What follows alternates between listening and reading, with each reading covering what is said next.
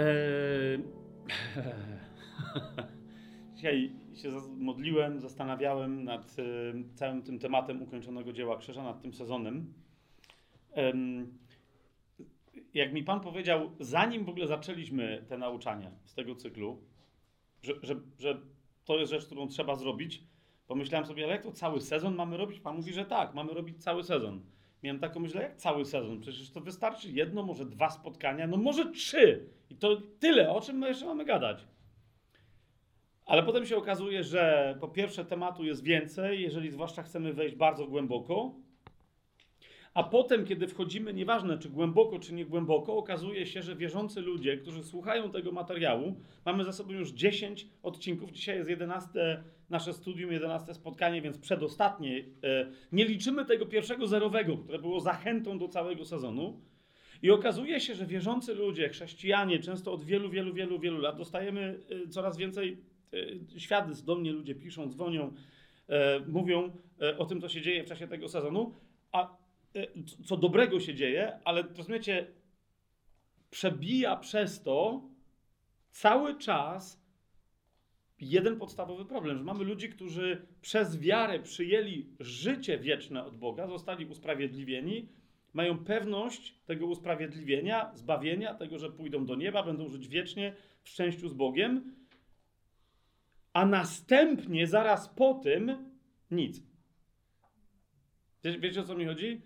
E, to wszystko, co wynika, jak, jakby ukończone dzieło krzyża, tyczyło się tylko i wyłącznie uratowania nas od grzechu, w wyniku którego, skoro go zawiniliśmy, powinniśmy pójść do piekła. Jakby to było całe, wiecie, ukończone dzieło krzyża. A potem co? A potem nikt nie wie, co, co, co robić. Tak, takie wrażenie odnoszę w całym chrześcijaństwie. To co teraz? Teraz jest kościół, teraz musisz chodzić do kościoła. Ale po co?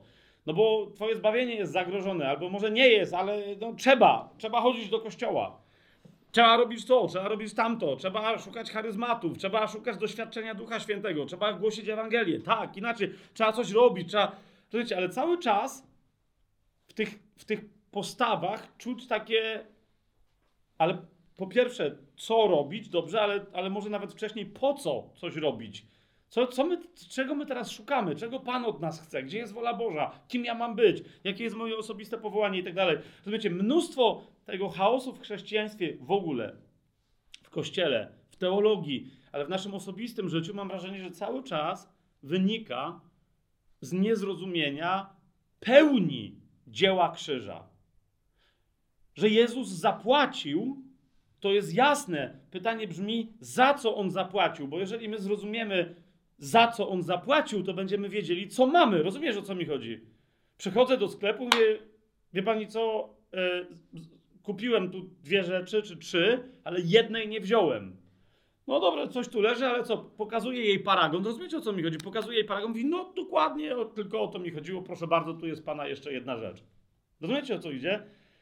E, my tymczasem mamy paragon na setki tysięcy, na miliony rzeczy, poszczególnych wydarzeń w naszym życiu, na dziesiątki tysięcy zjawisk w naszym życiu, na, na rozumiecie, setki rozmaitych przestrzeni, e, znaczeń, obszarów naszego życia, mamy na to paragon, a korzystamy tylko i wyłącznie z jednej pierwszej pozycji, twój, twój grzech jest zapłacony.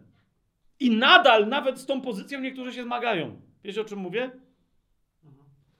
Więc e, dziś, jak rozważałem sobie, jaka była moja postawa, że przecież ukończone dzieło krzyża to jest zrozumiała rzecz. Po dziesięciu odcinkach widzę, że no jest zrozumiała, jak zaczynasz ją studiować, ale kto realnie, poważnie podchodzi dzisiaj do tego, żeby najpierw upewnić się, czy wie, co to jest ukończone dzieło krzyża? Czym ono jest? Co znaczy, że jest ukończone? Jak, jaki jest jego zakres, jaki jest jego zasięg, jaki to ma znaczenie dla naszego życia? Mówię wam, większość pytań, rozterek, e, zdziwień, niejasności, jakie chrześcijanie noszą w sobie, z, jak, z, y, y, z, z jakimi przychodzą, pytając, ale to, ale to, a jak się to ma do tego. Zazwyczaj wynikają z tego te wszystkie zamieszania, że nie rozumiemy w pełni dzieła krzyża oraz co to znaczy, że to dzieło krzyża jest w pełni, kompletnie ukończone, że do niego już nie trzeba niczego dodawać. Rozumiesz, o co mi idzie? Kiedy to zaczynamy chwytać, wówczas z aut, im bardziej zaczynamy to chwytać i w to wierzyć, tym żyć, tym z automatu wszystko to, czego my pragniemy w kościele i pytamy się, gdzie to jest, gdzie jest Bóg, gdzie jest Jego poruszenie, gdzie jest. Nagle przestajemy pytać, czemu, bo nagle widzimy, że jak się te wszystkie rzeczy, powkła... każdy z elementów, każdy z tych puzli wchodzi na właściwe miejsce w obrazie, wówczas ten obraz zaczyna działać w nas, przez nas. I nie pytamy, gdzie jest Bóg, gdzie jest moc, gdzie jest coś, gdzie jest uzdrowienie, gdzie jest przełom finansowy w relacjach, gdzie jest. Nie pytamy, ponieważ duch działa, ma wreszcie swobodę przepływu. To nie on nie chce działać lub też nie działa, to my blokujemy cudownej dżentelmeńskości Boga. To jest jedna z najbardziej zdumiewających rzeczy, że nawet, może nie nawet, zwłaszcza wobec ludzi, którzy już są nowonarodzeni, już są nawróceni i tak dalej, Bóg daje swoim dzieciom jeszcze większą wolność. Do, te, do czego? Także do tego, głównie do tego, żeby Jego blokować w działaniu. Po, po prostu.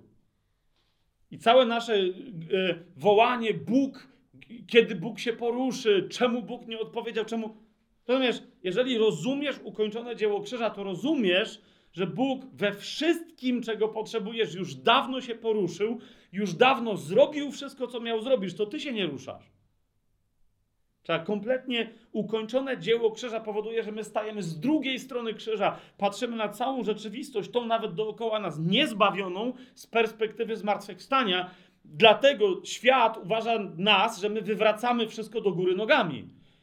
Tylko czas najwyższy, żebyśmy zaczęli realnie wywracać świat do góry nogami, tak jak pierwsi chrześcijanie w czasach Jezusa, po Jezusie, Piotra, Pawła i tak dalej, to potrzebujemy my ustawić sobie właściwy porządek. Kapujecie? Bo my wszystko wywracamy do góry nogami dla świata, kiedy, kiedy stoimy z drugiej strony, wtedy się cała perspektywa, wszystko się zmienia. Rzeczywistość niedostępna nieba jest naszym punktem wyjścia. My jesteśmy w niebie. My, a, a nie na ziemi i tak dalej, i tak dalej. Więc jak sobie to rozważyłem, jak to jest istotne, to nagle dzisiaj, mając świadomość, że mamy przedostatni odcinek, potem ostatni, nagle pomyślałem sobie, jak to to już? Jak teraz dopiero trzeba zacząć wyjaśniać rzeczy, bo teraz dopiero ludzie zadają, mnóstwo ludzi zadaje właściwe pytania. Ej, to jeżeli tak, to w takim razie, jeżeli to, to w takim razie co z tym? Rozumiecie, on dostaję pytania od osób, które od 20 lat na przykład chodzą regularnie co niedziela do zboru, nawet tacy, co chodzą do zboru co sobota. Rozumiecie? I, i dostaję pytania na przykład typu Fabian, to jak ja mam teraz Biblię czytać? Czytając Biblię od 20 lat. Nie? Pyta się siostra, która jest 15 ponad lat nawrócona, nowonarodzona, robi naprawdę wszystko dla Pana i ona nagle mówi, Fabian, to czyli jak ja mam się modlić? Ponieważ te, to wszystko, co ja odkryłam, że robiłam w życiu, była, to była pogańska postawa. Jak się człowiek modli z perspektywy nieba, będąc w Chrystusie, który jest wstawiennikiem? Jak się go wielbi, jak mu się dziękuje, w jakich okolicznościach, jak się go prosi o coś, czy w ogóle o coś jeszcze mamy prosić, skoro wszystko mamy i tak dalej, i tak dalej. Zauważ, to są wreszcie właściwe pytania, a nie czemu Bóg nie odpowiedział na moją modlitwę.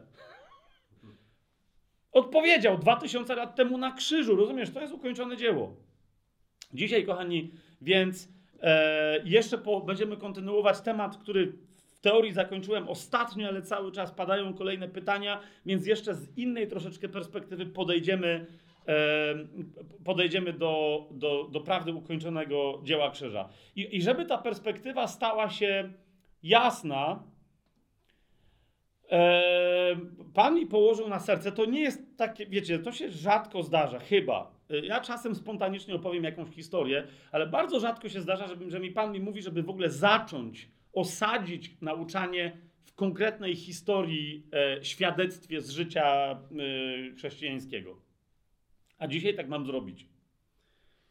Horacy Spafford że tak spolszczę e, e, imię i nazwisko tego naszego brata w Chrystusie. Horatio Spafford, mecenas Horatio Spafford, XIX-wieczny e, amerykański prawnik.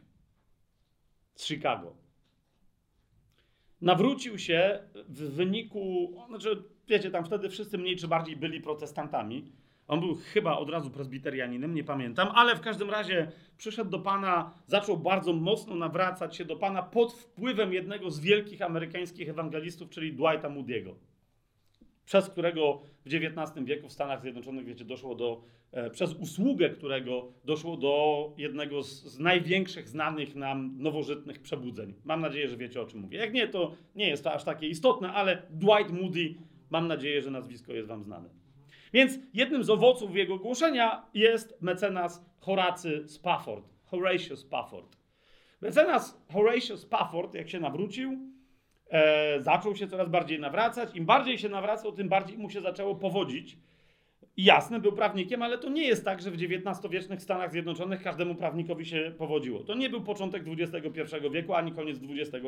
To był XIX wiek, kompletny e, wolny rynek, leseferyzm, e, libertarianizm, że tak powiem, gospodarczy, mocna konkurencja. Nawet i prawnikom się powodziło tylko wtedy, kiedy mieli E, albo mówiąc młodzieżowo skille odpowiednie, albo jeszcze do tych skilli dochodziła łaska Boża, tak, której się poddawali i błogosławieństwo. W każdym razie jemu się tak dobrze powodziło, że zaczął inwestować w nieruchomości. Większość swoich pieniędzy zainwestował w nowo powstające osiedla w Chicago. Nie pojedyncze domki, ale osiedla. E, stał się, y, wszedł na, na ścieżkę e, powiedziałbym, no, obiecującą, że zostanie jednym z największych deweloperów w Chicago. I w momencie, kiedy wydawało się, że y, zacznie na tym naprawdę, na pieniądzach, które włożył w tą deweloperkę swoją, zacznie wreszcie zarabiać, stanie się prawdziwie magnatem finansowym, który będzie błogosławić ciało Chrystusa pieniędzmi, bo taka była idea. Po co inwestuje? Żeby być ekstremalnie bogatym człowiekiem, żeby błogosławić Kościół w Stanach Zjednoczonych błogosławić misjonarzy, no rozumiecie, Stany Zjednoczone XIX wiek, wysyłające misjonarzy ewangelicznych, nie, biblijnych na cały świat. I w momencie, kiedy te jego domy były wybudowane, osiedla, okej, okay, e, ludzie mogli się zacząć wprowadzać, w 1800, dokładnie 71 roku doszło do tego tragicznego zdarzenia. Ja nie wiem do końca, jak to się po polsku w historii nazywa, prawdopodobnie Wielki Pożar Chicago w którym to wielkim pożarze nie spłonęło kompletnie całe Chicago, prawie całe, że tak powiem, e, uogólniając historię, ale e, spłonęły wszystkie inwestycje mecenasa Horacego Spafforda. Absolutnie wszystkie. Co więcej, wiele z jego domów było, jak się potem okazało, nie właściwie ubezpieczonych. Ludzie, niektórzy już za nie zapłacili, zanim się wprowadzili. Wiecie, wciąż jeszcze za niektóre z tych domów on odpowiadał, nie oni, żeby je ubezpieczyć. Więc nie dość, że stracił większość swoich, jeżeli nie wszystkie pieniądze wtedy, to, to jeszcze się zadłużył, bo okazało się, że musi spłacać ludzi, którym miał postawić dom, a tych domów nie ma. Wszystko spłonęło. Walcząc i zmagając się yy, z tym, yy, kto z Was miał długi jakiekolwiek, no to może rozumieć, co się dzieje, kiedy, kiedy człowiek ma nadzieję na to, że zostanie E, super, hiper, mega miliarderem, a nagle wpada w wielomilionowe e, długi. Mówię z punktu widzenia XXI wieku. Okay? On w pewnym momencie postanowił, że e, jakieś tam biznesy będzie prowadził, między innymi, między innymi przez kontakty w kościele okazało się, że może coś zrobić w Europie, więc że, do, że miał popłynąć do tej Europy, ale w ostatniej chwili w tych wszystkich swoich sprawach w Stanach Zjednoczonych musiał zostać E, i postanowił popłynąć do bodaj Londynu kolejnym okrętem, ale już na jeden okręt, na który miał wykupione miejsca, wsadził swoją żonę i czwórkę e, dzieci, córek. To było dwa lata później. Dwa lata zmagania się od czasu, kiedy wszystko runęło, kiedy stracił wszystkie pieniądze, zadłużył się i tak dalej, i tak dalej. I w czasie tego rejsu, kiedy on coś tam jeszcze robił w Stanach Zjednoczonych, dostał w pewnym momencie telegram od swojej żony, e, że on jest takim sławnym tekstem angielskim, ale jakby naj, najsławniejsza fraza tego tekstu, bo jest wieloznaczna, brzmiała saved alone.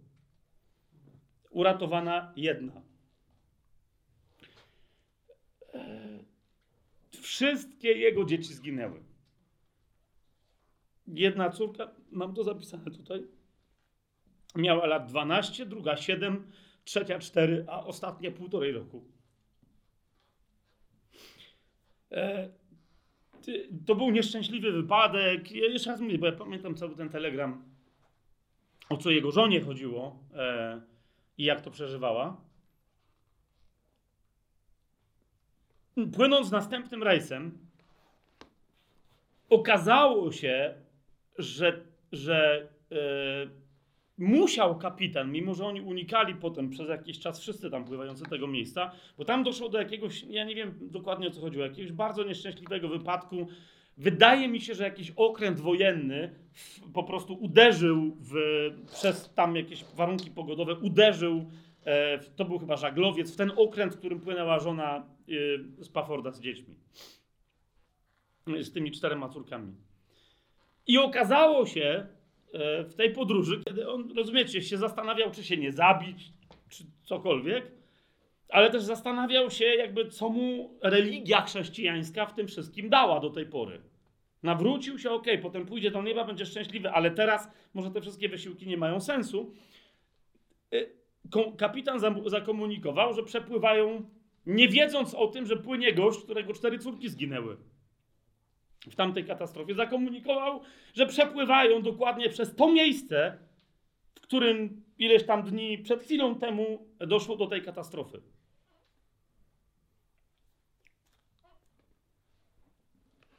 I teraz, bo od tego chcę zacząć.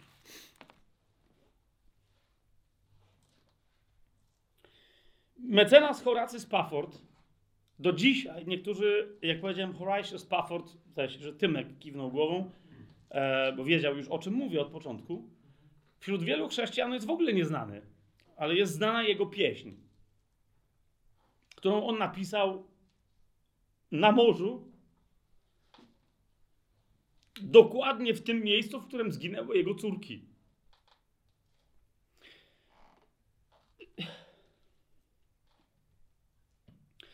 rozumiecie, zanim ten tekst przeczytam, bo ja go dzisiaj specjalnie, pan mi powiedział, że mam go przełożyć. E, co się, to jest moje pytanie. W jedenastym, e, rozumiecie, studium ukończonego dzieła krzyża. Co innego niż świadomość ukończonego dzieła krzyża? Co innego się mogło stać tam na morzu, że gość napisał taką pieśń? Bardzo prostą, E, niektórzy mówią, że melodia, co do melodia nie jest napisana przez niego, on nie był kompozytorem. Natomiast napisał tekst. I ten tekst, on jest piękny, on jest rymowany po angielsku, no ale już dzisiaj się nie siliłem, żeby, wiecie, rymować po polsku. W każdym razie sami sobie możecie znaleźć ten, e, tą pieśń. E, może nawet na końcu nagrania my to do, dołączymy jeszcze jak, jakoś ładnie zaśpiewany ten utwór. Nie przez jakieś, wiecie, nowoczesne przeróbki, tylko tak jak on w oryginale brzmiał. Są też takie wersje Ludzie to śpiewają do dzisiaj, te pieśni. Pieśń nazywa się It is well with my soul. Czyli jest dobrze z moją duszą. Jest dobrze. Chrześcijanin, który przeżywa katastrofę, rozumiecie, jest w trzecim roku nieszczęść, które na niego spadają. Nawrócił się, Pan przyszedł do jego życia, łaska, pokój, wszystko to powinno obfitować Rozumiecie? Y, a teraz płynie do swojej żony, która jest zdruzgotana, która nie wiadomo, czy nie chce popełnić samobójstwa gdzieś tam na obcej ziemi i znajduje się w miejscu, w którym zginęły cztery jego córki. Zadaj sobie pytanie, rozumiesz? E, co, co gdyby to było twoje dziecko? 18 miesięcy najmniejsza dziewczynka, najstarsza 12 lat. Czemu? Ludzie, rozumiesz, no nie zadasz sobie takiego pytania. A tu masz ojca i teraz ten ojciec pisze, taki tekst. Kiedy pokój, jak rzeka, wypełnia całą moją drogę. Czy gdy smutki, jak fale morskie się kłębią, jaki by nie był mój los, ty nauczyłeś mnie mówić: dobrze jest, dobrze jest z duszą mą. Choćby szatan nacierał, choćby przyszłe próby, Niech ta błogosławiona pewność trzyma pieczę, albo też mnie trzyma pod kontrolą.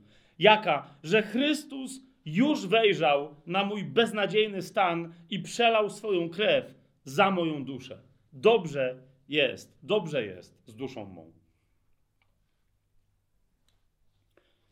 Następna, trzecia zwrotka. Mój grzech o błogości tej chwalebnej myśli. Mój grzech nie w części, ale w całości jest przybity do krzyża i już go nie niosę.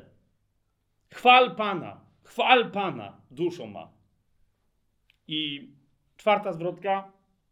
Dla mnie Chrystus, tylko Chrystus jest podstawą. Choćby Jordan się przelewał nade mną, jest podstawą, aby żyć, przepraszam. Tylko Chrystus jest podstawą, aby żyć. Choćby Jordan się przelewał nade mną, żaden ból mnie nie dotknie. Bo w śmierci, jak i w życiu, Ty będziesz szeptać swój pokój w duszę mą. Nie, nie wiedziałem, jak to przetłumaczyć. Yy, to jest taki bardzo poetycki wers, że you will wilt whisper thine um, peace into my soul. Coś takiego, nie? E, nie wiedziałem, jak to przetłumaczyć. Będziesz wszeptywać swój pokój. Twój, twój głos będzie delikatnie szeptać. Twój pokój do mojej duszy. Potem jeszcze jego córka, bo później jeszcze mu się urodziły dzieci z tą samą żoną. Miał jeszcze chyba trójkę dzieci. E, a kiedy się przenieśli z żoną na stałe do Jerozolimy, adoptowali jednego e, chłopczyka na syna, tego, który później dla tych z was, którzy się zajmują archeologią biblijną i tego typu historiami, tego, który znalazł e, w Jerozolimie tak zwaną inskrypcję Siloam czyli z sadzawki Siloe, znalazł miejsce, że było fizycznie takie miejsce, bo tam był e, napis po hebrajsku, tam jeszcze w jakimś języku. On znalazł fizycznie ten kamień tam w takich tunelach. Mniejsza o to. Więc to był adoptowany syn mecenasa e, Horacego z Pafforda. It is well, it is well with my soul. Jest dobrze. Nie, it's okay. It is good, quite nice. It is well with my soul. Pisze człowiek, który przepływa nad odmętami grobu swoich córek, które utonęły tam i już się nie da ich nawet wydobyć, pochować. Wiecie o co mi chodzi?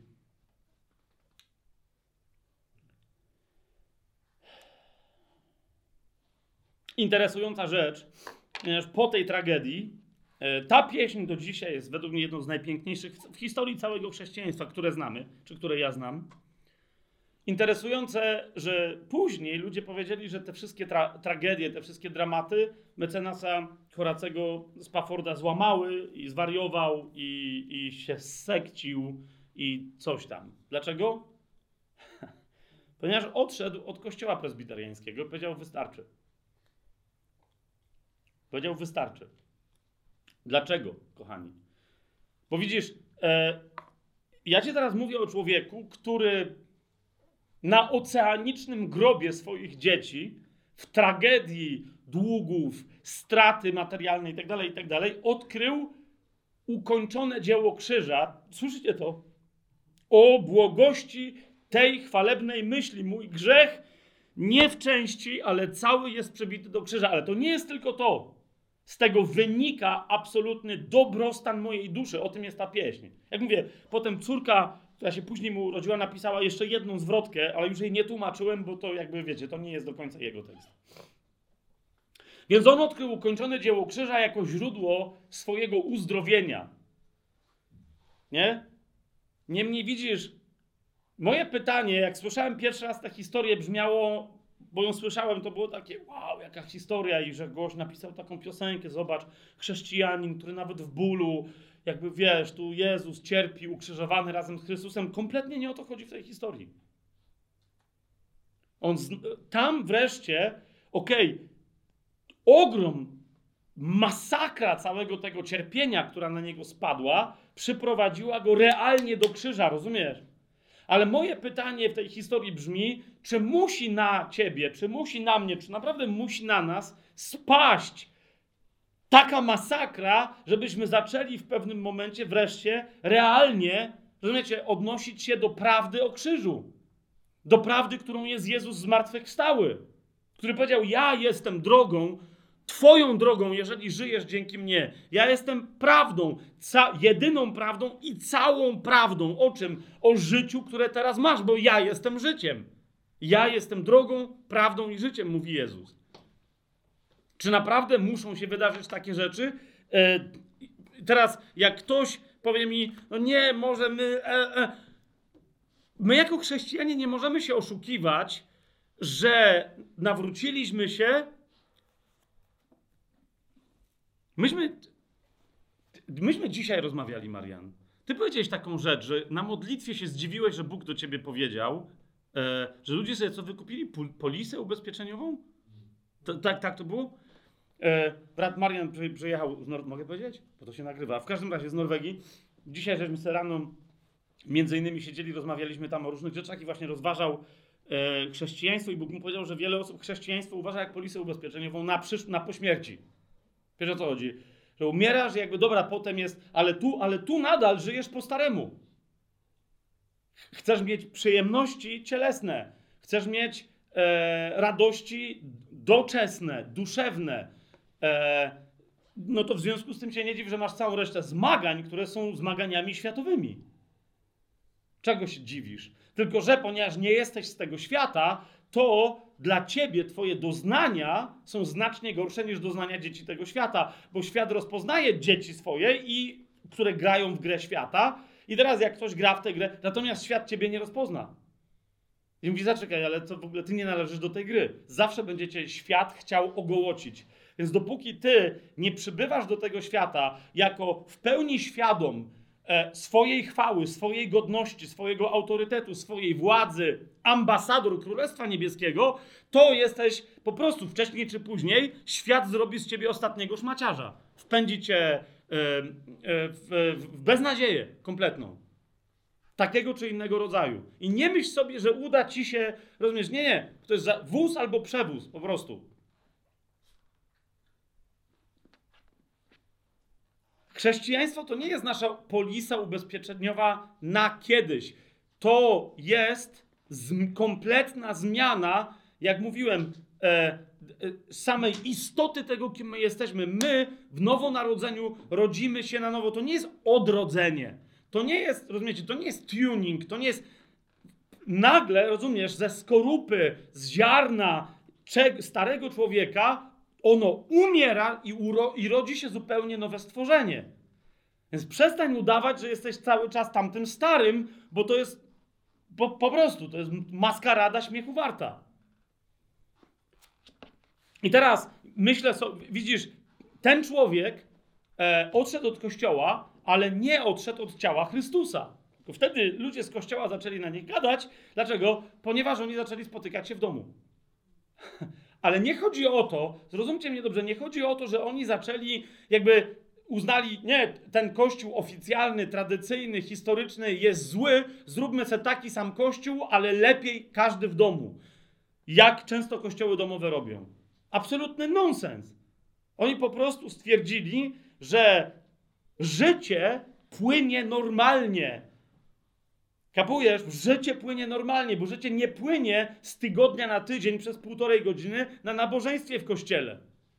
Jeżeli, żeby mieć kościół jakiegokolwiek rodzaju, ty musisz wyjść raz w tygodniu, nawet jeżeli codziennie, ale musisz wyjść ze swojego normalnego życia, ze swojego domu, ze swojej rodziny, pójść w jakieś miejsce, żeby w jakiejś relacji z jakimiś ludźmi przez półtorej godziny, dwie godziny, nawet pięć, żeby tam mieć kościół, to znaczy, że jak stamtąd wyjdziesz, to znowu nie masz kościoła. Coś jest nie tak. Czy rozumiecie, co ja mówię? Brat Tymoteusz był teraz w Azji, nie powiem gdzie, bo nadal nie wiem, czy mi wolno, ale nie, nie wolno. Ale tam, gdzie był, między, to mogę powiedzieć, że się spotkałeś, z kim się spotkałeś. Spotkał się z, z Chińczykami, czy ludźmi, którzy żyją pod, e, pod chińskim politycznym butem. W Chinach od jakiegoś czasu zaczęło się potworne, e, coraz potworniejsze prześladowanie chrześcijan, kolejny raz, prześladowanie ciała Chrystusa. I jednocześnie kolejny raz mamy do czynienia z gwałtownym, e, duchowym, chrześcijańskim przebudzeniem, prawdziwym przebudzeniem. E, setki tysięcy ludzi się nawracają, przychodzą do Chrystusa, rodzą się na nowo. Mamy te, te regiony, też nie powiem które, bo jeszcze żeśmy się go nie, nie skonsultowaliśmy wcześniej. Mamy takie regiony e, w tym ogromnym państwie, gdzie rozumiecie, całe setki milionów ludzi są pod taką kontrolą, e, że nie, ma, nie mają możliwości poruszyć się w swoim życiu, pójść do, na jakąś, nie wiem, lokalną imprezę, imprezę rodzinną, pójść do pracy, wrócić do domu i te, nie mają możliwości uniknąć obserwacji i inwigilacji. Nie? Wszędzie są rozstawione kamery, całe, e, cała sztuczna inteligencja jest zaangażowana w to, żeby przy pomocy tych kamer obserwować, e, oceniać e, obywateli, wystawiać im, e, dawać im punkty albo odbierać na tej podstawie, dawać im przywileje społeczne lub je odbierać. Chrześcijanie nie mają absolutnie żadnej możliwości, żeby się spotykać. Rozumiecie? E, buldożery wjechały już, y, już ile? Dwa lata temu, trzy lata temu, jeszcze przed pandemią. No właśnie, ale w ramach pandemii, to rozumiecie, ludzie byli zamurowywani w swoich mieszkaniach, za, jak mieli tylko okna i drzwi były zatłuczone blaszanymi e, zaporami. Kościoły, zbudowane kościoły, z wyjątkiem tych, które państwo rozpoznawało, jakichś tam religii, ale chrześcijańskie budynki dla chrześcijańskich ewangelicznych zborów były burzone. Przyjeżdżał buldożer, ma koniec, nie został kamień na kamieniu. Pytanie więc brzmi, jak rośnie ciało Chrystusa, bo rośnie gwałtownie w takim kraju jak Chiny, w takim kraju jak kraj Ujgurów w Chinach na przykład, no bo to chyba mogłem powiedzieć. Nie? Ja, jak to się dzieje? Naturalnie. Naturalnie, jeżeli się nawraca, rozumiesz, mieszka jakaś rodzina w jakimś mieszkaniu te, to mieszkanie znajduje się w bloku, w którym jest ileś takich mieszkań. Ktoś wychodzi do pracy, w pracy głosi Ewangelię, e, jest świadkiem Chrystusa, nawet nie to, że głosi Ewangelię, bo tego też nie wolno robić. Ludzie sami zadają pytania. Idzie do pracy, stoi 50 chłopów na sali, pracują przy tokarkach, kamery patrzą, patrzą, mikrofony nie są włączone, bo jeszcze ta inwigilacja aż tak nie jest posunięta. I oni się tam modlą na głos. Jeden głosi, reszta słucha. Rozumiecie, mają kościół, ale wyglądają na kamerach, jakby pracowali. Potem ten ktoś jest bardzo dobrym obywatelem, gdzie idzie do domu. Tylko, że idzie ze swoim jednym i drugim kumplem, którzy są chrześcijanami i po drodze się dzielą świadectwem, modlą się za siebie nawzajem. Może nawet jeden z nich drugiemu mówi kazanie całe. Ten ktoś wraca do domu i co ma w domu? Dalej jest w kościele, ponieważ cała jego rodzina, cały jego dom, dokładnie tak jak było w dziejach apostolskich, razem z nim się nawrócił. Rozumiecie? Po co ci ludzie mają tworzyć sztuczne zgromadzenie, sztuczne zgromadzenie? Rozumiecie, cała sztuczność w chrześcijaństwie wynika z niezrozumienia genialności, naturalności, kompletności i totalności ukończonego dzieła krzyża. Ukończone dzieło krzyża powoduje, że się stajemy nowym stworzeniem w każdej, rozumiecie, wszystko od tej pory jest nowe, jak mówi Słowo Boże. Wszystko jest święte. Dla świętego, dla czystego, wszystko jest święte i czyste. Amen? Więc po co ty masz robić teraz znowu święte dni, święte miejsca, święte godziny, święty sposób, rozumiesz, robienia tam czegoś? Dzisiaj też żeśmy rozmawiali e, na temat uwielbienia. Zauważ, w, w, w Nowym Przymierzu e, ile jest mowy na temat tego, żeby uwielbieniem było tańczenie, granie, śpiewanie, klaskanie, robienie całego tam szału. Ile masz w Biblii tego typu, z wyjątkiem Starego Przymierza, gdzie Dawid ale jak ktoś chce uwielbiać tak jak Dawid, niech najpierw zbierze tyle kasy, co zebrał Dawid na świątynię dla Salomona. Niech zrobi takie plany jak on. To są plany, które będą kosztowały oraz przygotowanie wszystkich materiałów. Dzisiaj tyle mniej więcej, co wybudowanie nowego Las Vegas i Reno. Z wszystkimi tymi hotelami, tam atrakcjami turystycznymi i tak dalej. Wtedy tańcz nago przed arką Pana, rób co chcesz. Ale jak chcesz być jak Dawid, to bądź kompletnie jak Dawid, a nie udawaj, że wiesz o co chodzi. W Nowym Przymierzu natomiast mamy jedną taką scenę. Pamiętacie Pawła z Sylasem, więzienie, e, trzęsie się ziemia, ale zwróćcie uwagę. Ich pieśń jest pieśnią, której więźniowie w nocy, którzy chcą spać, którzy są nieszczęśliwi, którzy nie wiedzą, co przyniesie następny dzień, chcą słuchać. Oni nie drą się na nich, żeby przestali się drzeć w środku nocy. Rozumiesz? Dlaczego? Jakich. E, nie wiem, kto z Was jest wielkim fanem hip-hopu. Ja dość lubię. Nie tego dzisiejszego, tylko tego, który był realnie hip-hopem, w którym była treść, a nie dzisiaj tego coś tam. Ok? I teraz, jeżeli masz kogoś, kto nie słucha rapu, nie słucha hip-hopu, ale kogo interesuje temat, który porusza raper, wiecie o czym mówię? Nie ma bolca żebyś nie posłuchał rapowego kawałka, kiedy w nim ktoś z sensem, bez przekleństw i tak dalej nawija o czymś, co cię interesuje. Rozumiecie, co mi idzie? Więc co tam było genialnego? Wszyscy nagle w więzieniu uwielbiali reggae i akurat Paweł z Silasem Łajo bogom! No nie, rozumiesz, bo muzyka jednemu się podoba taka, drugiemu jakaś inna, to jest kwestia gustu, ale treść, kiedy niesie życie, kiedy niesie nadzieję, kiedy jest zgodna z prawdą i dotyka ducha ludzkiego, jest, jest, jest zawsze uniwersalnie, chętnie przyjmowana. Więc y, widzisz, tam nawet całe uwielbienie, gdzie de facto e, e, uwielbiamy my? Kiedy otwieramy usta, żeby złożyć Panu ofiarę chwały, czyli owoc warg, które wyznają Jego imię. Bo jeżeli ty masz zarezerwowany specjalny czas na zaśpiewanie czterech piosenek, w dodatku które się składają z dwóch wersów łącznie, ostatnio ktoś mi przysłał mema, nie, nie wiem czy nie ty, no nie, nie, nie, chyba, mem też był angielski, ale chodzi mi o to, że mem to była cała taka kartka i na niej było napisane to jest żart ze współczesnej chrześcijańskiej muzyki. To jest żart ze współczesnej chrześcijańskiej muzyki. To jest żart ze współczesnej chrześcijańskiej muzyki. To jest żart ze współczesnej chrześcijańskiej muzyki. Halleluja, halleluja, halleluja. To jest żart, druga zwrotka, to jest żart ze współczesnej chrześcijańskiej muzyki. To jest żart ze współczesnej chrześcijańskiej. No wiecie o czym mówię. Masz jeden werset, żeby ludziom było łatwo w to wejść, rozumiecie, muza, która wszystkich ciągnie i tak dalej.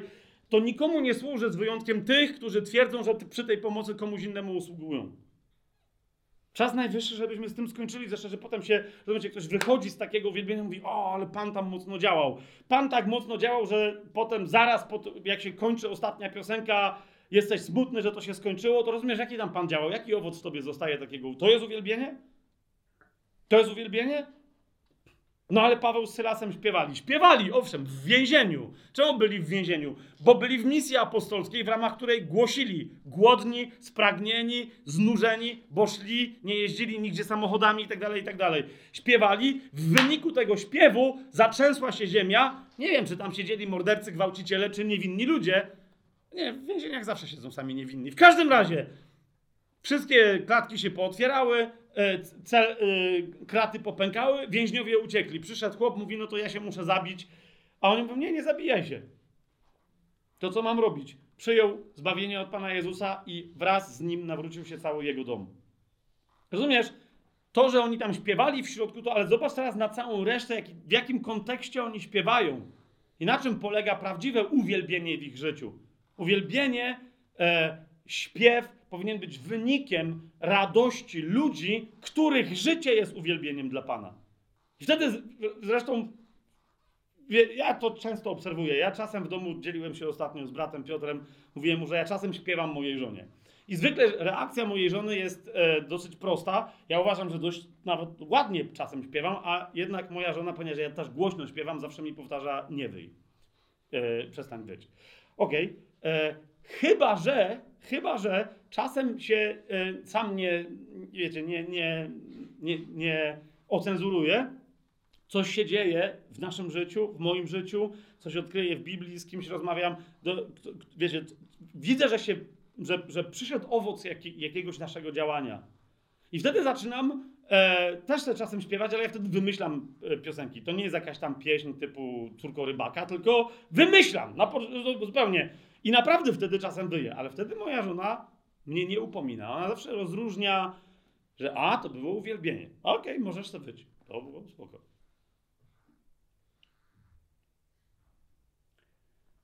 Horacy Spafford, o którym cały czas mówię, nawet nie zacząłem dzisiaj nauczania, stwierdził, że być może, rozumiesz, i, i, ale to pytanie tu już wisiało od początku, że być może nie doszłoby do wszystkich tych tragedii, gdyby on żył zamiast życiem religijnym kościoła, który się mienił kościołem chrześcijańskim, gdyby zamiast tego żył w swoim życiu normalnym, zwycięskim życiem chrześcijańskim. Normalnym, zwycięskim życiem ciała Chrystusa. I dlatego oni wtedy przestali chodzić do kościoła, po prostu stwierdzili, w domu nam wystarczy. Jeżeli ktoś się chce spotykać, wielbić Pana, czytać wspólnie Biblię, dzielić się tym, nie robimy żadnych nabożeństw. Po prostu żyjemy w domu. Jeżeli ktoś chce do nas przyjść, zapraszamy. Niech da znać. Wtedy możemy dzisiaj przygotowywałem to, to spotkanie, e, no ale przyjechał, przyjechał brat z Norwegii, e, siedliśmy sobie, mieliśmy kościół, gadaliśmy, opowiadaliśmy sobie, ale nie, że opowiadaliśmy sobie plotki, tak?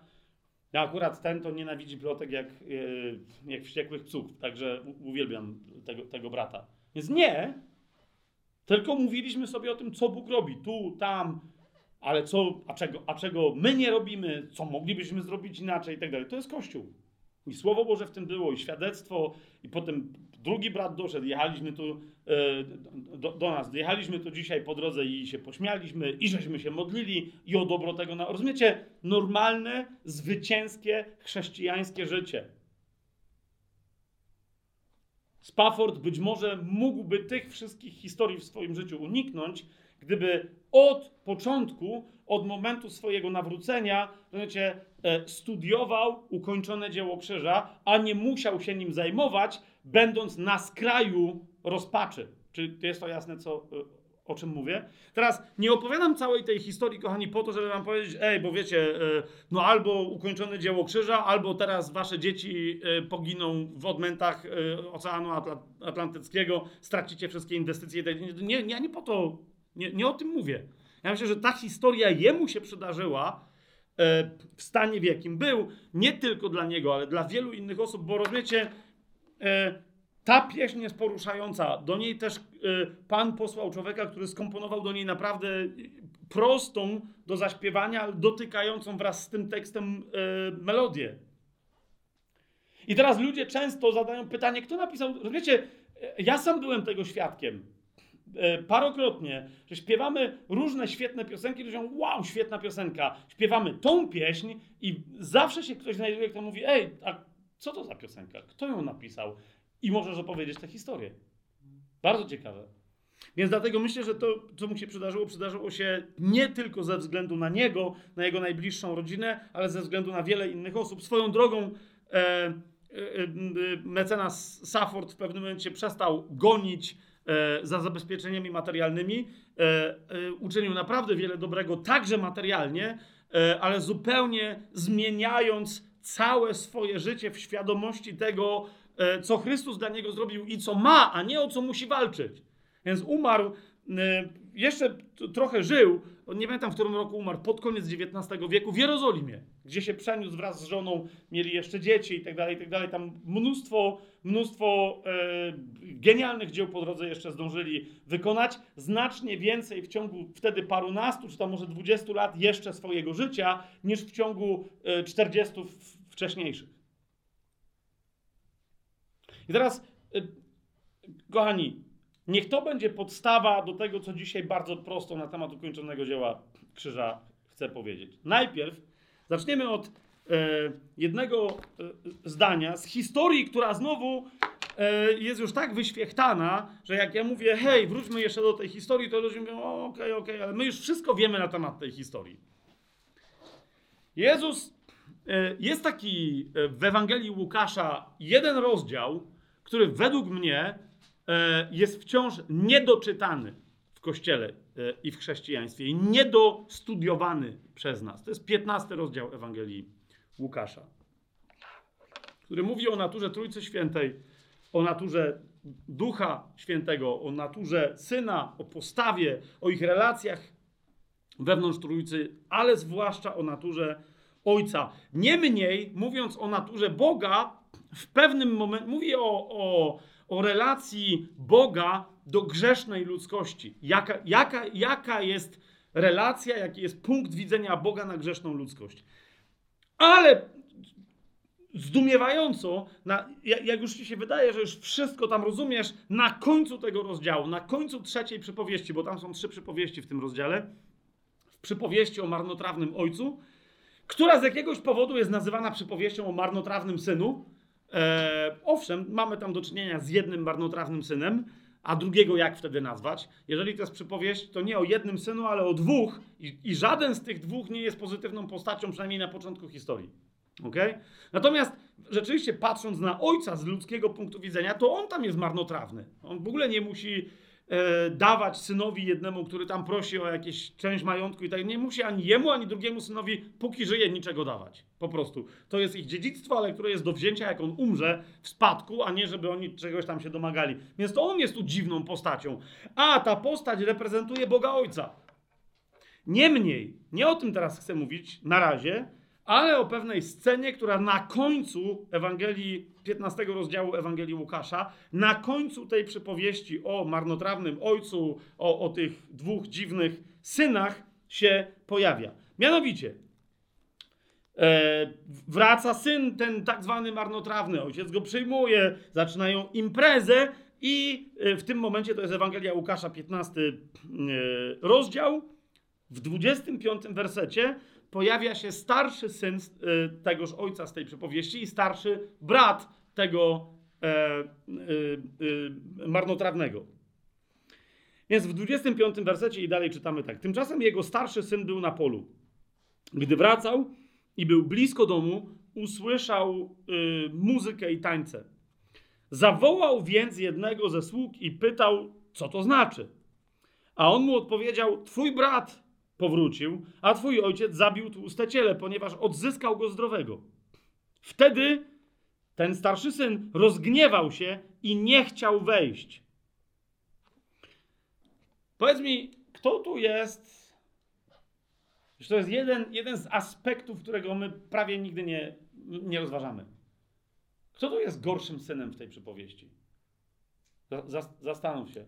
Ten, co niby cały czas jest przy ojcu, ale potem wystarczy, że się dobrze dzieje z jego własnym bratem i on jest tak wściekły, że zwróć uwagę, jak z punktu widzenia takiego słownictwa chrześcijańskiego, jak to brzmi, on nie chce korzystać z domu ojca. Nie chce tam wejść, gdzie jest dobrze, gdzie jest impreza, gdzie jest, rozumiesz? To jest wściekły, że ojciec może być dobry dla kogoś. Rozumiesz, o co mi idzie? Czyli masz kogoś, kto się staje w tej przypowieści, umówmy się, chrześcijaninem, wraca do ojca i masz kogoś, kto w teorii nim jest, jest wściekły, że ten, co dopiero się nawrócił, no bo on się nawrócił i przyszedł do ojca, że na jego cześć się wyprawia imprezę. Rozumiesz? To, to nawet nie wiem, czy syndromem psa ogrodnika można byłoby nazwać. I, i, yy, spójrz, jak nadal, bo wiecie, my się zawsze koncentrujemy na tym, jak wygląda relacja ojca z tym synem, który wraca, że ojciec jest tym, który wygląda.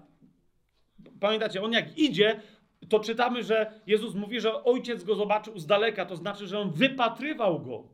Że przybiegł do niego ten ojciec i ten syn w ogóle nie wie, co tam ma robić, że kazał, kazał go umyć, ubrać, pierścień na palec, buty na nogi. Zwróćcie uwagę, swoją drogą ta scena, jak jest, e, że się tak brzydko wyrażę, symptomatyczna dla całego Nowego Przymierza. W całym Starym Przymierzu, kiedy człowiek spotyka się z Bogiem, dowiaduje się, zdejmij sandały ze swoich nóg, zdejmij buty ze swoich nóg, bo ziemia, na której stoisz, jest święta. Zobacz, co się dzieje w Nowym Przymierzu. Człowiek przychodzi do Boga, a Bóg mówi, włóżcie mu buty na nogi, bo On od tego momentu jest święty. Moją świętością. Zobaczcie, jak to jest niezwykle ważny moment, jeden z wielu znaków, nie? Ale popatrz, ten syn, który jest wściekły, zauważ, jak rzadko my rozważamy te kwestie, że do niego ojciec też wychodzi. Popatrzcie dalej, 20, ten 28 werset. Ten się rozgniewał, nie chciał wejść, jego ojciec jednak wyszedł i namawiał go. Rozumiesz? Ojciec ma taką samą cierpliwość dla grzeszników i dla nowonarodzonych osób, dla nawróconych i dla nienawróconych. To jest cały czas ta sama miłość.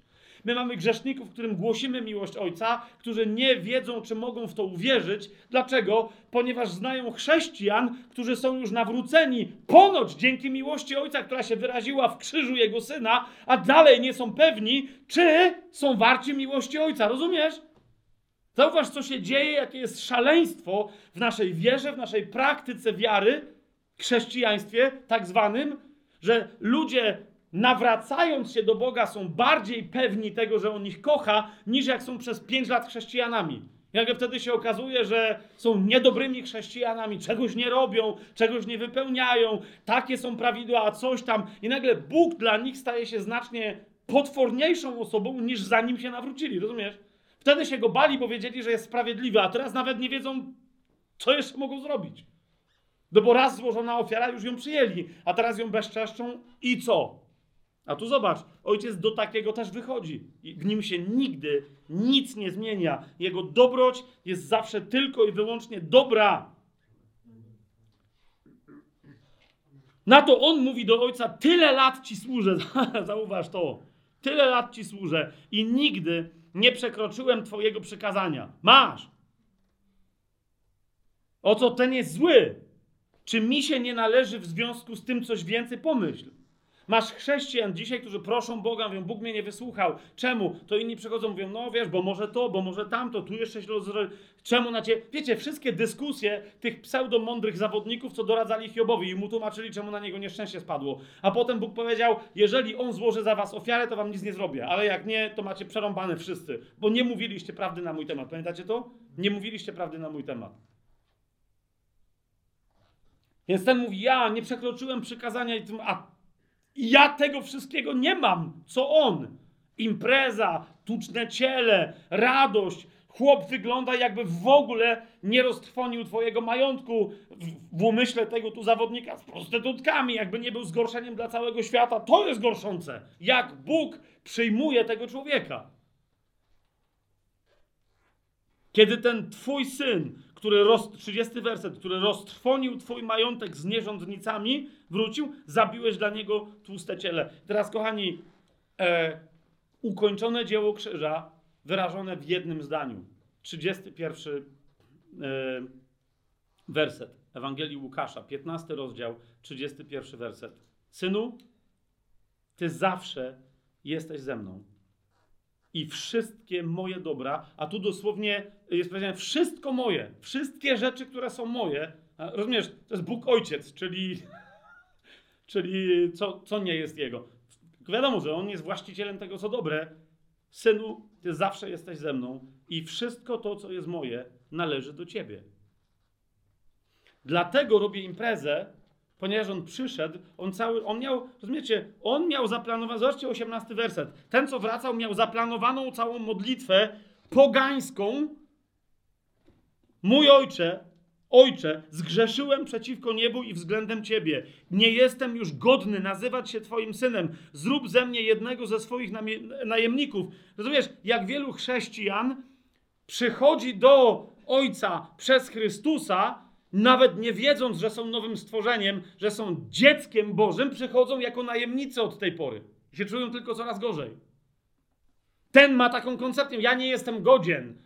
Ale zauważ, jak ojciec reaguje. 21 werset powiedział do niego syn: Ojcze, zgrzeszyłem przeciwko niebu i przed tobą. Nie jestem już godny nazywać się twoim synem. Zauważ, on mu wchodzi, nie, nie pozwala mu kończyć.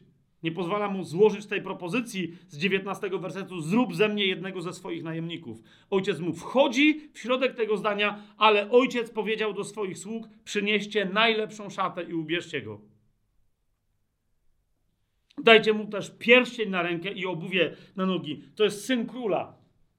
To jest syn wszechpotężnego władcy. Cała mo- przez sam fakt, że wrócił, Jemu się to należy, bo to jest krew z mojej krwi i tyle. Po prostu. To jest mój syn.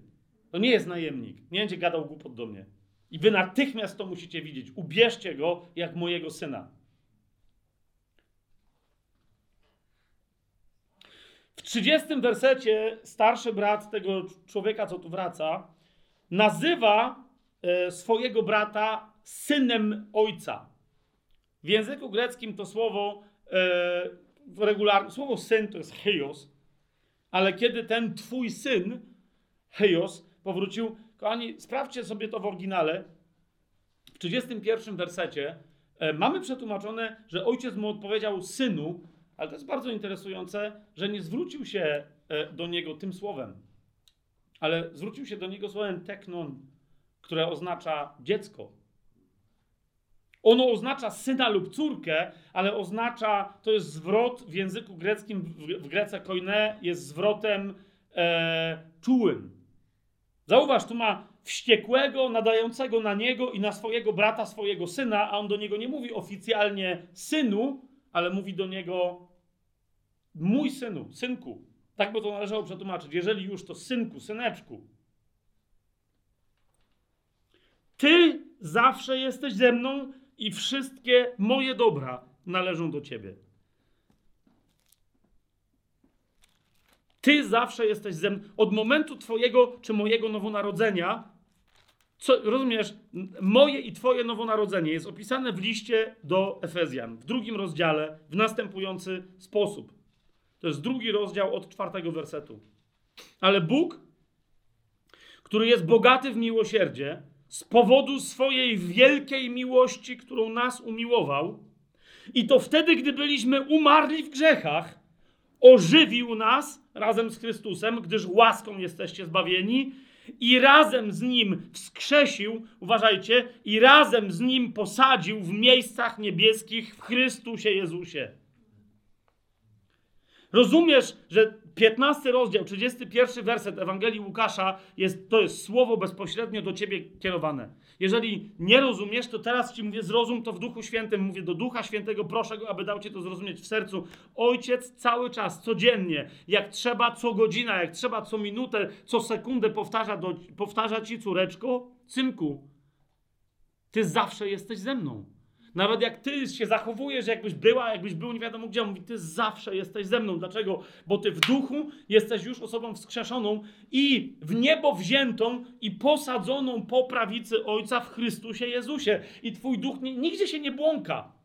Rozumiesz? On się nigdzie nie błąka. Jeszcze raz, z innego punktu widzenia, na tym polega fundament, centrum, korzeń, kręgosłup nowego stworzenia. Nawet jeżeli ty cieleśnie się błąkasz, duszewnie robisz jakieś głupoty. Zobacz w liście do Kolosan, co mamy napisane. Trzeci rozdział listu do Kolosan, trzeci werset.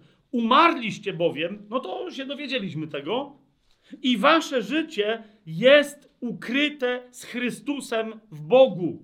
Rozumiesz? Duchowo, nawet jeżeli ty cieleśnie, duszewnie robisz najgorsze, dziwaczne rzeczy, i potrafisz odpaść, oszaleć, rozumiesz, stworzyć jakieś błazenady w swoim życiu, groteskowe karykatury, nawet nie chrześcijaństwa, ale nawet i bycia grzesznikiem. Nadal w duchu, twój nowonarodzony duch jest ukryty z Chrystusem w Bogu. Dziecko, synku, córeczko, ty zawsze jesteś ze mną i zauważ, jaka jest druga część tego zdania i wszystko to, co jest moje, jest twoje. Wszystko to, co jest moje, jest Twoje. Kochani, dzisiaj e, powiem Wam o trzech punktach. E, z, innego, z innej jeszcze perspektywy spojrzymy nie na ukończone dzieło krzyża, bo teorię przedstawialiśmy na, podczas pierwszych e, sesji, ale, ale jak ono ma się stać praktycznie, rozumiecie, mocą napędową naszym życiem, jak, jak ono ma się stać faktem w naszym codziennym życiu. Okej? Mówiliśmy sobie ostatnie spotkania o przemienianiu umysłu. Jeszcze raz dzisiaj o tym procesie powiem nieco inaczej. Widzisz, po pierwsze, po pierwsze, żeby móc żyć ukończonym dziełem krzyża, na jego bazie żyć zupełnie nowym życiem, punkt pierwszy, musisz wiedzieć, co jest twoje. Widzisz, e, ten syn, to jest dobre pytanie, czy czy on wiedział, że to jest jego? I, ale teraz jeszcze raz rozumiesz, no, no wiedział. Tylko widzisz, jemu ojciec co on mówi? Bo on mówi, dla mnie tego nie zrobiłeś. Odpowiedź ojca co oznacza? Ja nie musiałem tego robić, mogłeś sam to zrobić. Lub mogłeś mnie poprosić, jeżeli uważasz, rozumiesz, ja bym, że, bo to, to nie tylko chodzi o to, że mogłeś sobie sam ubić ciele, zaprosić swoich przyjaciół i tak dalej, i tak dalej. Ale jeżeli chciałeś, żebym ja to dla ciebie zrobił, Mogłeś mi to mówić codziennie. Mógłbym ci robić imprezę rano, w południe i wieczorem. Rozumiesz?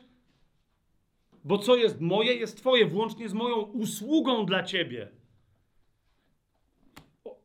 ostatnio y, mamy ten, ten taki cykl y, Słowa Bożego, którym codziennie robimy takie infograficzki, myślę, że dosyć ładne. Zbuduj się tym słowem, czy umocnij się tym słowem.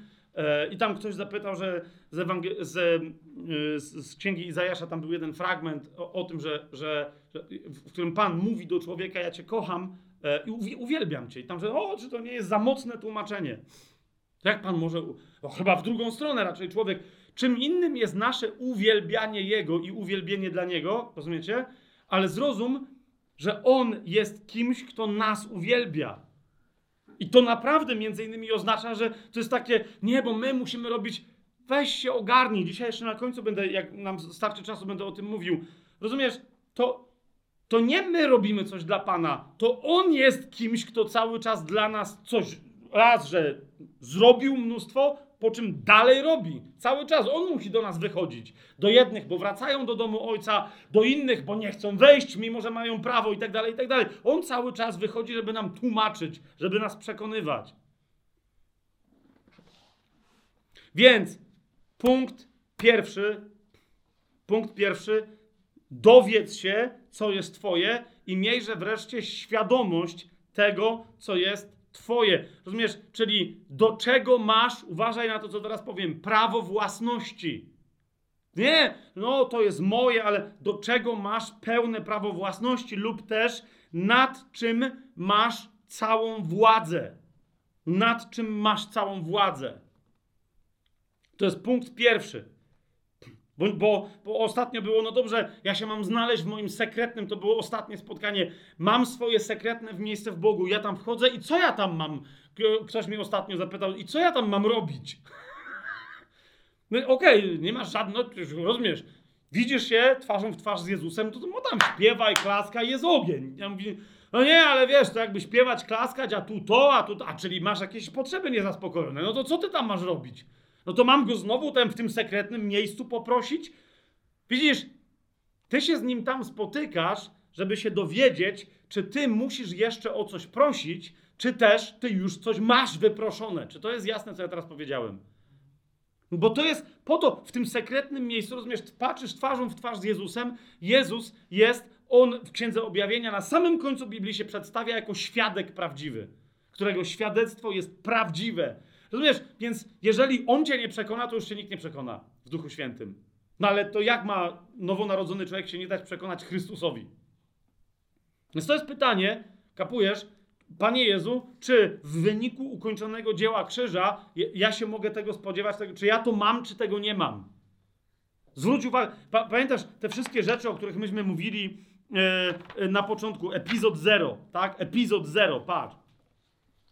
Zwycięstwo nad grzechem, Raz. Dwa. Zwycięstwo nad szatanem. Trzy. Zwycięstwo nad śmiercią. Cztery. Wolność od strachu i cierpienia. Wolność od strachu i od cierpienia. Pięć. Obfitość życia. Sześć. Pełnia radości. Siedem. Trwały pokój. Osiem. Wszystko inne, co jest dobre. Osiem obszarów. I ktoś do mnie przychodzi, czyli Fabian, to jest wszystko wspaniałe, czyli jak się modlić o uzdrowienie. To jest dokładnie to. Popatrz, czy, czy to jest cały czas pytanie, czy dobry Bóg da mi uzdrowienie? Moja odpowiedź brzmi, czy ty musisz go przekonywać, że ty cierpisz. Bo popatrz, za, zauważ, jak ty mówisz, jak teraz proszę Boga i Boże, i teraz, rozumiesz, i Bóg siedzi, okej, okay, jeszcze wyj, wyj głośniej. Naprawdę? No bo rozumiesz, to inaczej to, no ale no, to czemu ja dalej jestem chory? No to teraz, bo Bóg jest zły. No nie, no to czemu w takim razie dalej mówisz, że nie jest, ale go traktujesz jakby był? Bo jest nieczuły, bo Bóg jest nieczuły. Nie no, chyba jest czuły. To czemu w takim razie nadal całe twoje zachowanie, jakby ktoś patrzył z boku, mówi, okej, okay, no to musi być nieczuły, bo może jest dobry, może jest głuchy. Zwróć uwagę. Zachowanie twoje, moje, wielu innych chrześcijan na modlitwie. No ale to czyli, e, no to jak ja go mam poprosić? Widzisz, sęk w tym, że on już został poproszony w tych wszystkich intencjach przez Chrystusa na krzyżu i to, że go wskrzesił z martwych, jest dowodem na to, że Chrystus został wysłuchany w tych wszystkich intencjach. Rozumiesz, to znaczy, że to jest zapłacone. Każda Twoja potrzeba, moja potrzeba, każde dobro, które, które chcemy, żeby się znalazło w naszym życiu, ono już jest zapłacone, tylko jest nieodebrane. Na tym polega cała rzecz. Więc w momencie, kiedy my teraz stajemy i zaczynamy wołać, to rozumiesz, że my nadal się znajdujemy w Starym Przymierzu, w którym jeszcze nie ma Mesjasza, nie ma złożonej ofiary. Rozumiesz? Nie ma złożonej ofiary za nic. A ojciec mówi: Synu, ty jesteś zawsze ze mną, dziecko, córko, ty jesteś zawsze ze mną i wszystko, co jest moje, jest twoje. Dlaczego?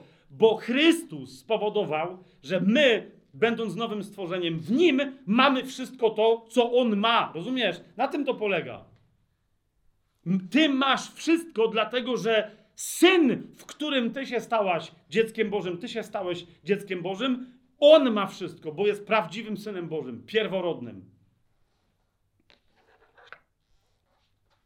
Więc co jest, co jest twoje, jeszcze raz, e, czy w takim razie uzdrowienie moje, uzdrowienie mojego dziecka, e, przełom finansowy w życiu, e, naprawa czyjegoś małżeństwa i tak dalej, czy to wszystko to jest wysłużone na krzyż? Widzisz, pytanie brzmi, te, ty nie przekonuj Boga, żeby coś jeszcze robił na ten temat, tylko odpowiedz sobie na pytanie, czy ty masz przekonanie, że, że to też zostało zapłacone, czy nie.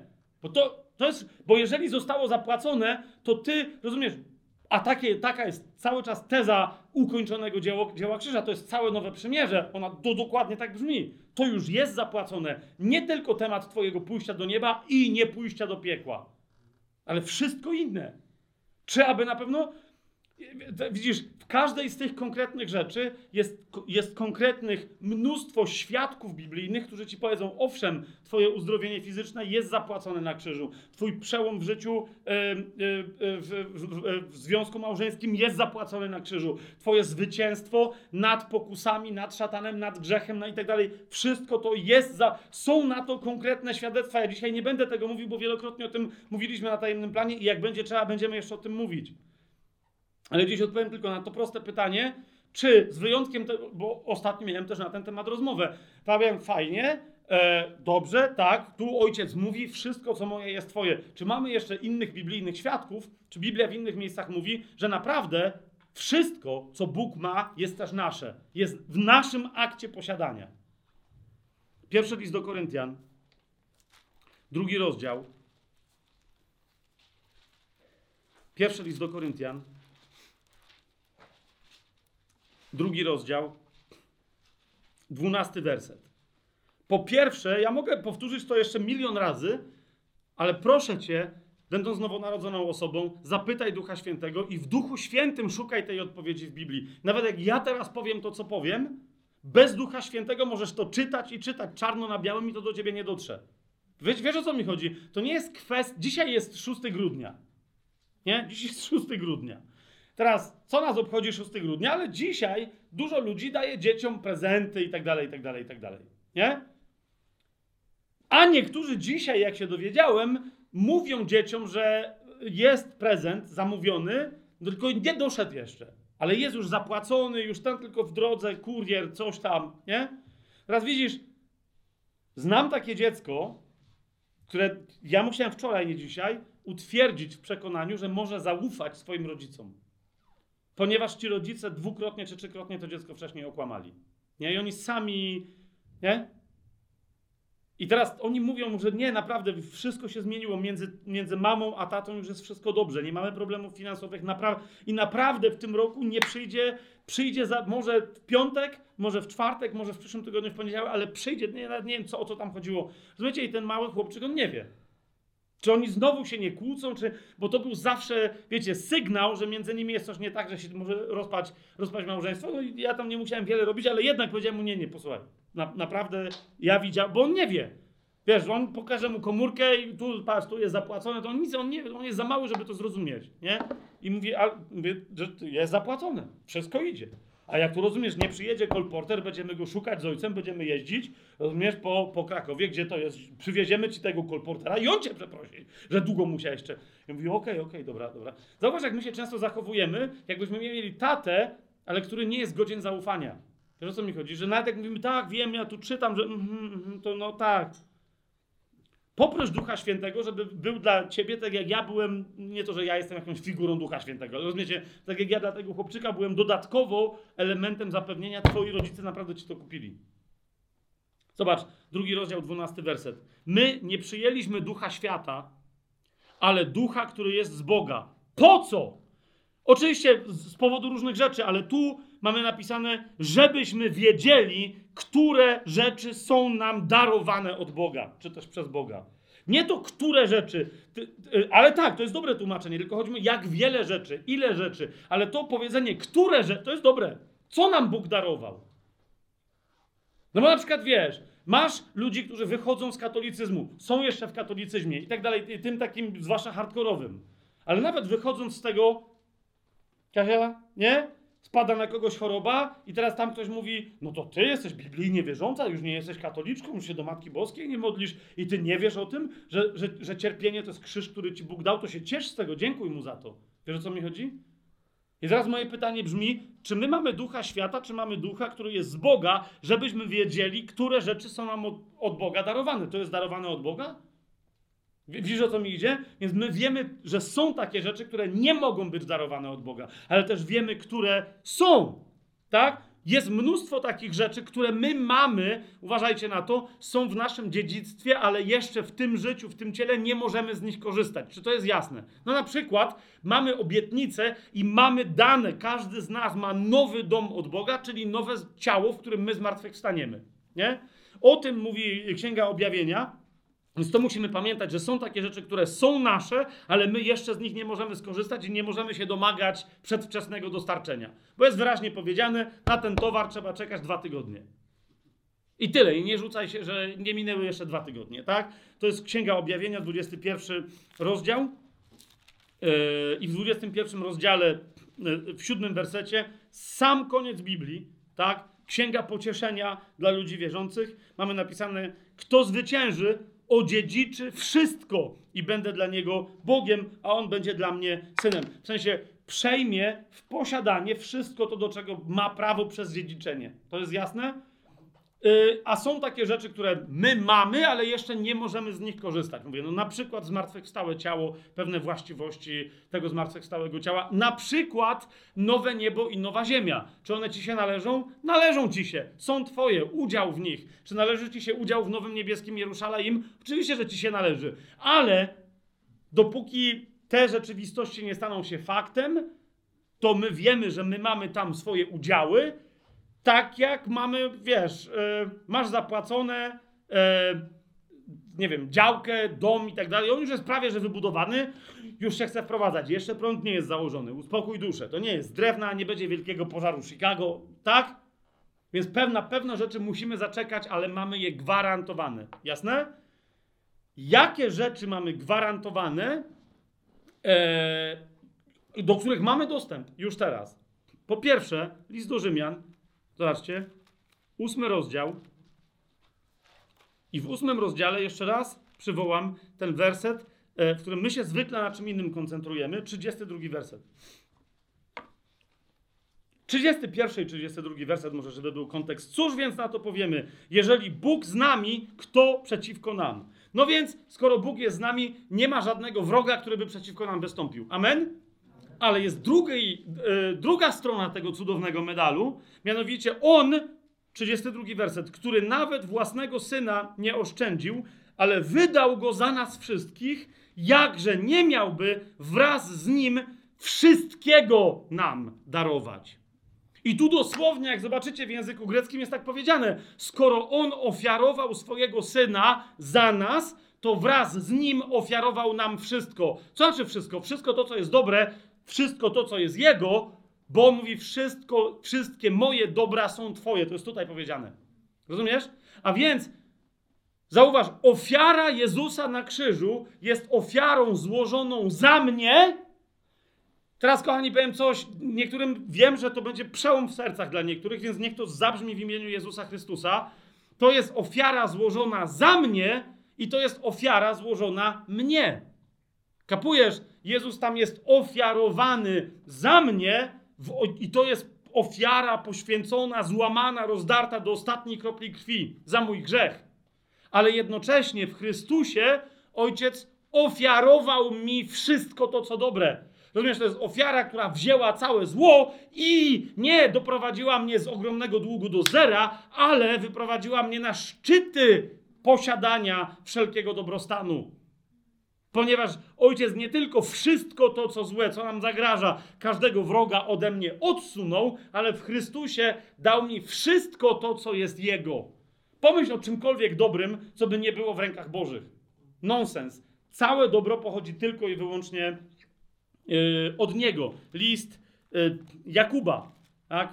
Yy, między innymi, ale nie będziemy, nie mamy czasu dzisiaj, żeby inne fragmenty na ten temat sprawdzać. Pierwszy rozdział listu Jakuba, 17 werset. Wszelki dar dobry. Rozumiesz, wszelki, czyli każdy możliwy. Język grecki tu jest bardzo precyzyjny. Wszelki dar dobry i wszelki dar doskonały pochodzi z góry i zstępuje od Ojca Światłości, u którego nie ma zmiany ani nawet zapowiedzi, żeby się miał kiedykolwiek zmienić. To znaczy ten cień zmienności. Rozumiesz?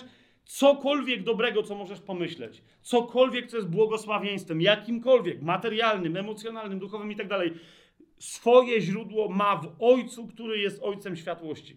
Nie ma żadnego innego. I to wszystko już jest Twoje, rozumiesz?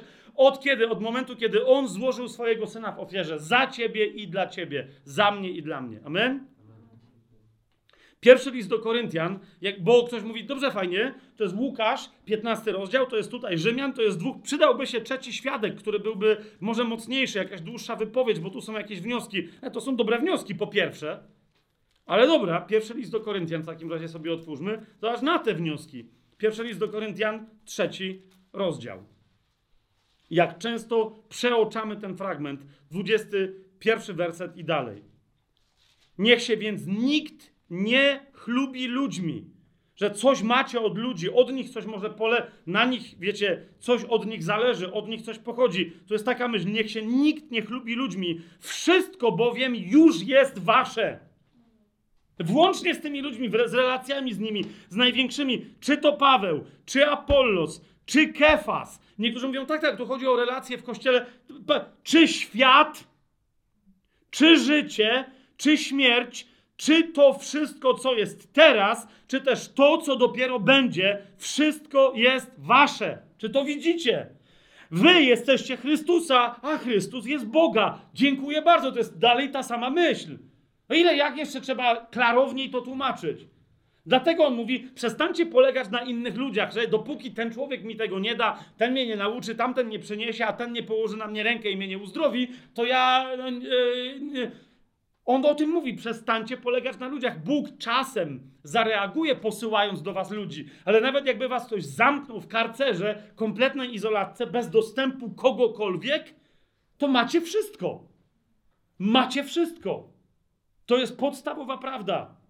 Macie absolutnie wszystko. Dwa. Punkt dru- Więc rozumiesz, teraz, ale za każdym razem ty masz potrzebę jaką? Finansową, materialną, uzdrowie- zdrowotną i tak dalej. Tu widzisz, e, ostatnio, już nie pamiętam kto to był, ale w każdym razie, czy, czyjeś to było nauczanie. E, I właśnie my często się koncentrujemy, wiecie, na, na uzdrowieniu, ale nie wiem, czy to nie był, to był chyba Reinhardt, ale nie wiem, może to nie był. Ostatnio mi się wydaje, że wszystko, co, co słyszałem, to od Reinharda tylko i wyłącznie. Więc czy Paweł, czy Apollos, czy Reinhardt, czy Kefas, okej. Okay. Ale tak no, całkiem możliwe, że to on. To było, to, tam, to było takie e, krótkie, ale dosadne rozważanie, czy my naprawdę koncentrowalibyśmy się aż tak bardzo w Kościele na uzdrowieniu i na tym, że je mamy w Chrystusie, gdybyśmy naprawdę wszyscy żyli pełnią ukończonego dzieła krzyża. Bo jakby wtedy, rozumiecie, uzdrowienie jest dla chorego, ale jeżeli w jego ranach jest nasze zdrowie, to jakby czemu my mamy w kółko gadać o potrzebie uzdrowienia, skoro my mamy zdrowie u niego, a nie uzdrowienie. Zwróćcie uwagę, w jego ranach jest nasze zdrowie, a nie nasze uzdrowienie. Więc raczej powinno być dla nas wyzwaniem, kiedy chorujesz, czemu chorujesz? Kiedy się przydarza jakiś wypadek tobie, co, co, tam się wydarzyło? Jasne, są pewne rzeczy, które są poza naszą kontrolą. Ktoś złośliwie nas zaatakuje. Będzie, o, owszem, i nie mówię, że wierzący nigdy nie choruje, nigdy mu się nie przydarzy nic nieszczęśliwego i tak dalej, ale za każdym razem, kiedy się taka rzecz dzieje, zadaj sobie pytanie, co tu jest grane. Czy to jest wynik, jak, rzeczywiście jest w tym jakaś lekcja, czy jest to może wskazanie mi przez Pana, że brak mi wiary w moje posiadanie czegoś, e, typu na przykład pełnego zdrowia w tym życiu, pełnej funkcjonalności itd., tak itd. Tak Pomyśl. To już na pewno Reinhardt, nie, nie kto inny. Ostatnio w, Pradze duża taka konferencja, ponad tysiąc osób, tych, wiecie, ateistycznych Czechów tam i Słowaków przyjechało. Fantastyczne spotkanie. Pamiętam, jaka cisza zapadła na tym spotkaniu, kiedy Reinhardt powiedział, jeżeli e, chcesz pokutować, mówi, to pokutuj na przykład, kiedy jesteś biedny. I tam był taki moment, yy, tłumacz źle przetłumaczył. A Reinhardt to zauważył i mówi, nie, nie, to wszystko tłumacz dobrze powiedział. Jeżeli żyjesz ty teraz życiem, w którym masz nadal materialne braki, to się nawróć, ponieważ jesteś to winien Chrystusowi, żeby być człowiekiem zamożnym. I tam ktoś mi do mnie się odwrócił później mówi, ej Fabian, ale to nie jest trochę niebiblijne? Biblia mówi, że jedyne, e, co, że, że nie bądźcie nikomu nic winni z wyjątkiem wzajemnej miłości. Mówię, no właśnie. Jak jesteś osobą zamożną, to wtedy masz wszystko, co, do, co potrzebne do Twojego życia i do pobożności. Możesz wspierać ubogich, sieroty, wdowy itd. Tak itd. Tak Jeżeli Ty jesteś niezamożny, Ty potrzebujesz wsparcia, to jesteś dokładnie winny miłość tą innym ludziom, jesteś winny Chrystusowi, bo On Ci zapewnił, zapewnił Ci to na krzyżu, że masz być osobą zamożną, dostatnią. Popatrzcie na ptaki na polu, Jezus powiedział. Popatrzcie na lilię. Wiecie, wy jesteście co, gorsi od ptaków, czy co się z wami dzieje? Pomyśl. Ja, ja, ja wiem dzisiaj, jak, wiecie, byłem poruszony i wzruszony, jak, jak mówiłem o tym e, Spaffordzie, dlatego że wtedy zrezygnowałem ze zrobienia wstępu, bo to jest, wiecie, to jest, to jest słodko-gorzka, e, to jest słodko-gorzkie nauczanie za każdym razem w kościele, kiedy mówisz sobie, mówisz innym o wspaniałości dobrej nowiny, o genialności e, Chrystusa zmartwychwstałego, Jego cudownego, ukończonego dzieła na krzyżu. I jedno, wiesz o co mi chodzi, a jednocześnie za każdym razem jest to konfrontujące, czy moje życie rzeczywiście jest obrazem tej genialności, czy nie jest. Więc nowina jest dobra i jest słodka, ale prawda o, o nieprzyjęciu tej nowiny często w naszym życiu jest gorzka. Tylko jeszcze raz, no nie po to ona jest gorzka, żebyśmy żebyśmy my się mieli teraz obwiniać, tylko żebyśmy zapragnęli tej słodyczy, którą mamy zagwarantowaną. Amen? Więc pierwsze, co jest moje? Wszystko jest moje. Ojciec mówi, wszystko to, co jest moje, jest Twoje. Dwa, więc w takim razie, skoro to już mi jest dane, pamiętaj, to jest zapłacone przez Chrystusa na krzyży. Krzyż jest gwarancją czego? Wszystkiego tego, co dobre i na temat każdej partykularnej sprawy, czy to zdrowia, czy wszystkich, no mówię, wszystkich innych walki z szatanem, pokusy do takiego czy innego grzechu, nałogu, na każdy ten partykularny temat znajdziesz potwierdzenie w Biblii, że to jest załatwione. Jak również, że wszystko jest już zapłacone i jest w Twoim zasięgu. No więc wtedy pada pytanie, no to, no to czemu ja, to jak, to, Czyli ja mam nie, no nie możesz prosić o coś, co już Bóg ci dał, rozumiesz? Bo obrażasz Boga. No to czyli co mam zrobić? Masz sobie wziąć. I wtedy ludzie mówią, czyli jak to ja mam wziąć? To jest właśnie sekret owej wiary biorącej w posiadanie. Bierzesz w posiadanie rzeczy, które już są ci wysłużone, opłacone przez Pana przy pomocy wiary, realnej wiary. Zobaczcie w liście do Rzymian, od tego zaczniemy. To jest drugi punkt w liście do Rzymian. W czwartym, czyli pierwsze, wiedz, co jest Twoje, do czego masz prawo, co prawo własności, nad czym masz władzę. Drugie, przyjmij to przez wiarę. Przy pomocy wiary. Co? To, o czym wiesz, że jest Twoje.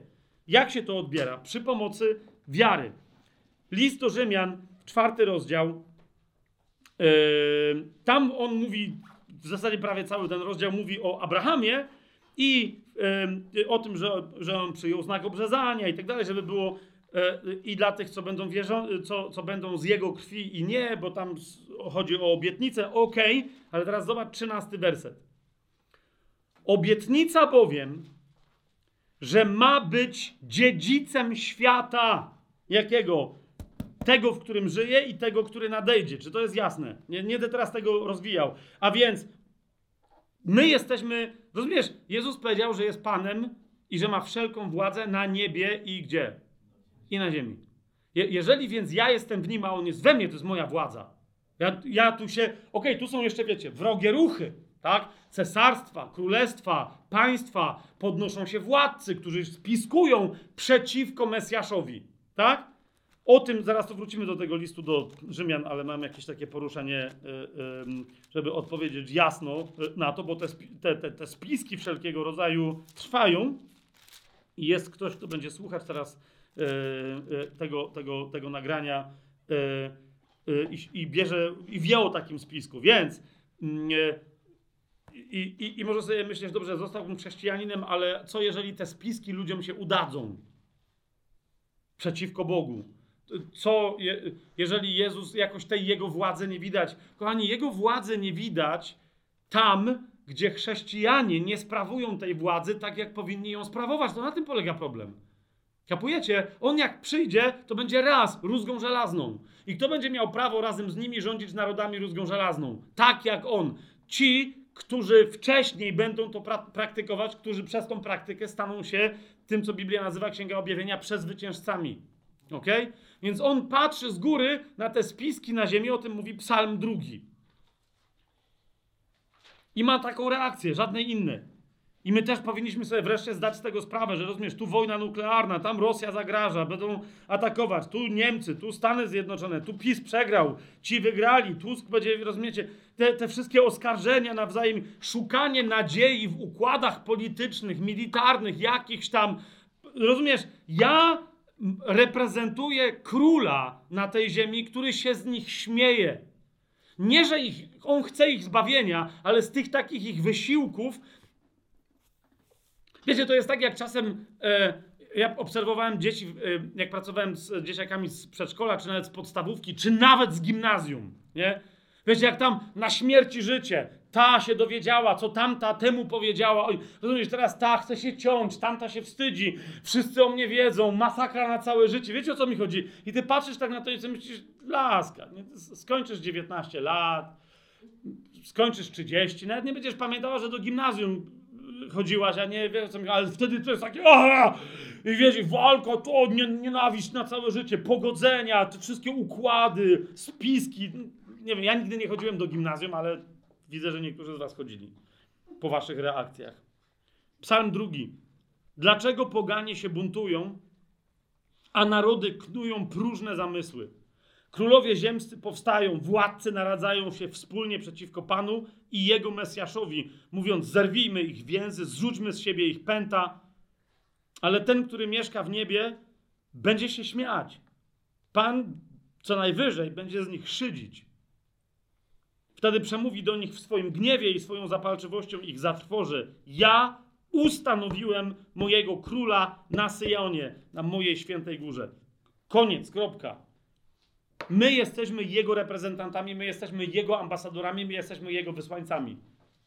Rozumiecie?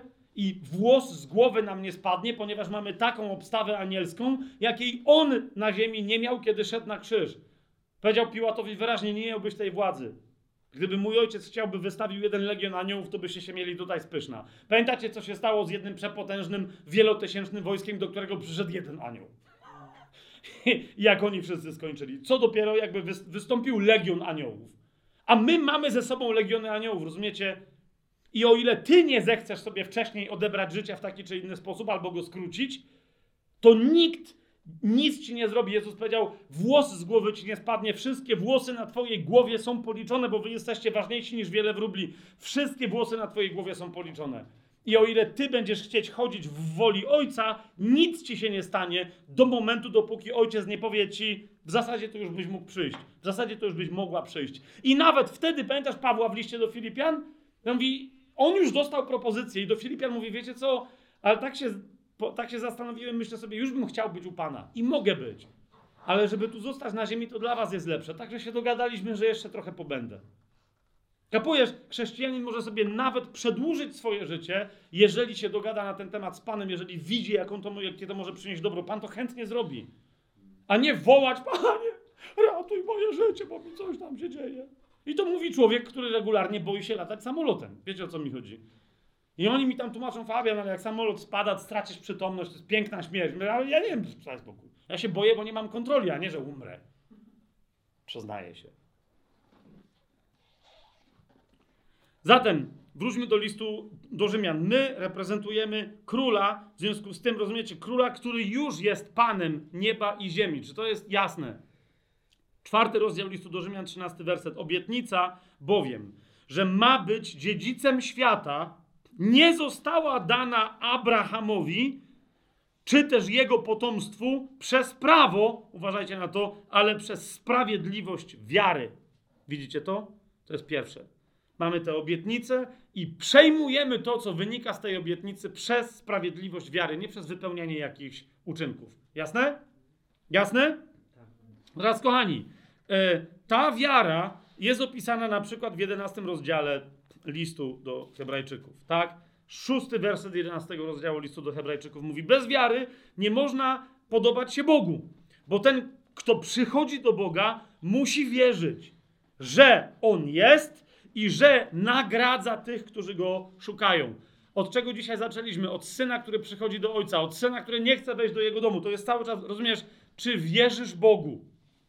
Czy wierzysz w jego obietnicę? Czy wierzysz w to wynagrodzenie, które on dla ciebie ma jako dla swojego syna, o którym powiedział: Wszystko, co moje, jest twoje. Inaczej, po co przychodzisz do Boga? Rozumiesz? Jak nie masz wiary w to, że on taki jest.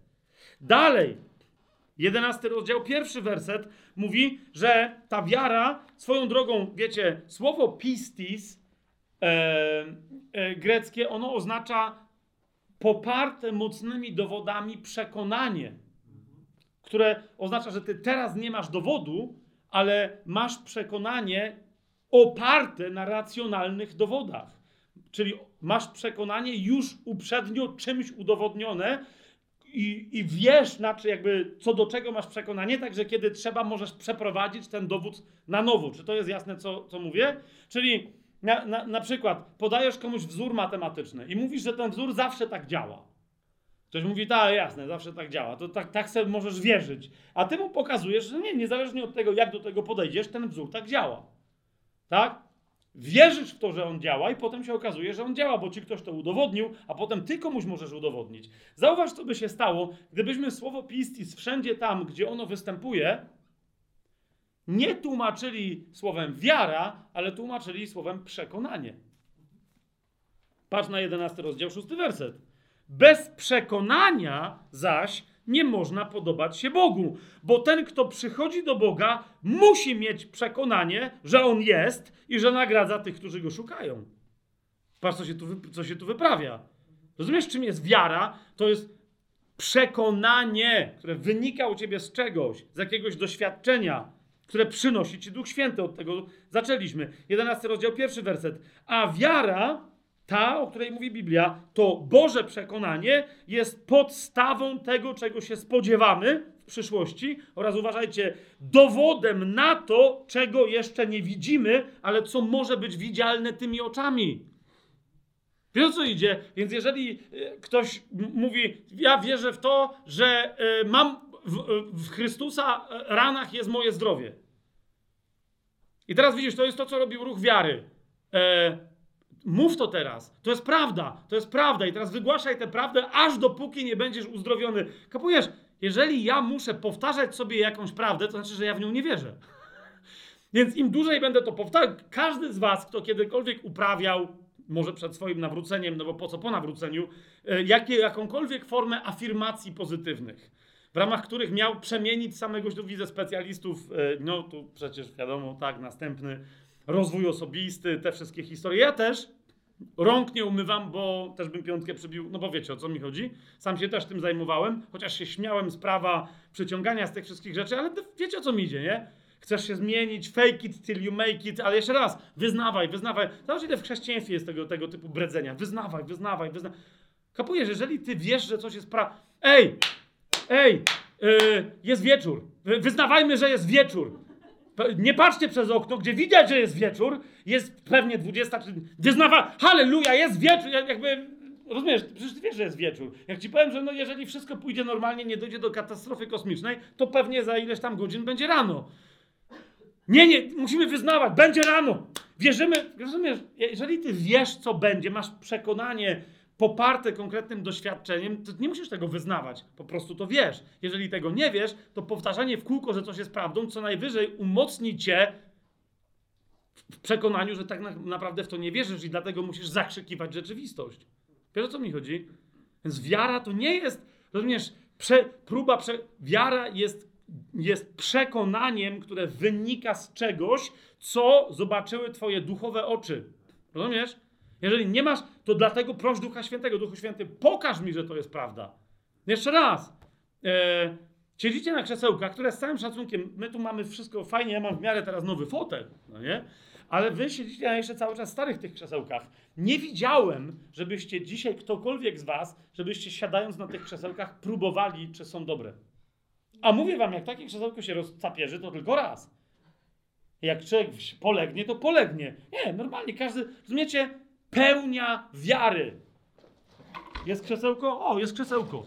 Badam! Co to jest, jeżeli nie akt wiary, że krzesełko jest dobre? Zauważ. Zauważ, jak często my bardziej wierzymy, że krzesełko jest dobre w ramach tego, co ma robić krzesełko, niż że Bóg jest dobry w ramach tego, w ramach czego jest rzeczą oczywistą, że jest dobry. Pomyśl. O ile większa bywa nasza wiara w krzesełka niż wiara w Boga, nasza wiara w pralki, w sprzęty, nasza wiara w to, że e, hej, będzie przecież elektrownia, będzie prąd na wieki wieków. Amen. Internet? Przestań! Przestań! Bóg internetu nie zapewnił Wi-Fi. Co jest grane? Proszę natychmiast. Rozumiesz, ile my mamy wiary w rzeczy, które. I to nie wy. Teraz nie, nie mów mi, że jak wsiadasz do samolotu, że wiesz, dlaczego on leci. Umówmy się, ty. Ile waży taki samolot? 100, no nie wiem, nie wiem, 100 ton, nie wiem ile, ale tony, no nie, on waży tony.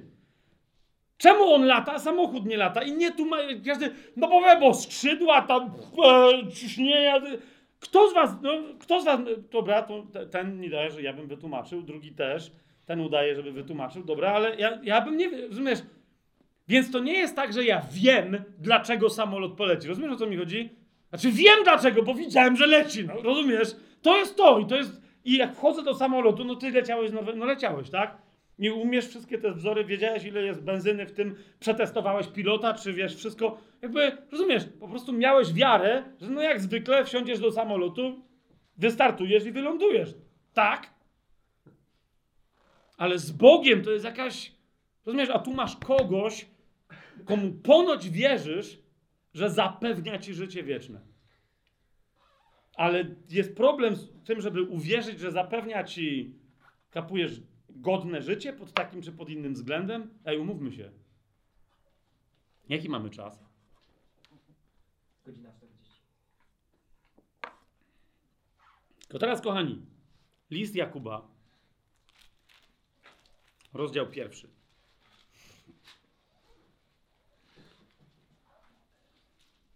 Jeżeli ktoś tego nie rozumie, podobnie jak innych rzeczy, mówi Jakub w piątym wersecie, to niech mówi, to niech prosi o mądrość. Podobnie jak o inne rzeczy.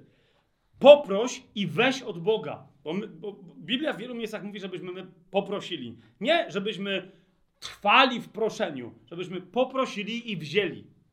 Bo w momencie, kiedy my prosimy, to nie jest tak, że Bóg nie wie, czego nam potrzeba. On tylko widzi, że my wiemy, czego nam potrzeba, skoro wreszcie mówimy, czego nam potrzeba. Potrzebujesz wiary, ale te, yy, mądrości, ale patrz teraz. Piąty, pierwszy rozdział listu Jakuba od piątego wersetu. Jeżeli komuś z was brakuje mądrości, podobnie jeszcze raz mówię jak czegokolwiek innego, niech poprosi Boga, który daje wszystkim obficie i bez wypominania, a będzie mu dana. Zauważ, nie 12 tysięcy do końca miesiąca złotych. Nie uzdrowienie z raka. Nie. Mądrość! 100 razy poważniejsza historia, a nie jakieś takie proste rzeczy. Będzie mu dana. Ale, popatrz na to, jak mówimy o wierze, szósty werset. Ale niech prosi z wiarą, bez powątpiewania. Kto bowiem wątpi, podobny jest do fali morskiej pędzonej przez wiatr i miotanej tu i tam. Człowiek taki niech nie myśli, że cokolwiek otrzyma od Pana. Lub też można byłoby przetłumaczyć, człowiek taki niech nie myśli, że cokolwiek weźmie od Pana. Dlaczego? Bo nie ma czym. Rozumiesz? Jedną rękę wyciąga, a drugą się leje po tej ręce. I ta ręka mówi... Ostatnio ktoś mi to przesyłał mema, nie będę pokazywał palcami. Yy, nie mema, nie wiem, czy to był jakiś gif czy cokolwiek. Psa, który nie może pobiec, bo się trzyma za własną nogę. I se chce tą nogę gdzieś zanieść, ale nie może, bo ją trzyma i rozumiesz, no i się i tak dalej. To jest dokładnie to. Ósmy werset. Człowiek umysłu dwoistego jest niestały we wszystkich swoich drogach. To jest to. Patrz, e, e, na czym polega problem. Co, co, co, na czym polega problem z tą. No to ktoś ma wiarę i nie ma wiary. Co się tu dzieje? Pamiętacie Piotra, który jak go Pan Jezus zgromił, nie będzie, bo mamy mało czasu, a chcę jeszcze dokończyć dzisiaj parę tematów, tak? Ale jak on y, powiedział, Panie, jak to Ty jesteś, to każ mi iść do siebie po wodzie. Pamiętacie, sztorm, burza na morzu, historię. Mówi, Panie, jak to Ty jesteś, a nie duch, powiedz mi, bo Ty jak powiesz, to ja będę mógł iść po wodzie. Pamiętacie to? I co on mu mówi? No to chodź.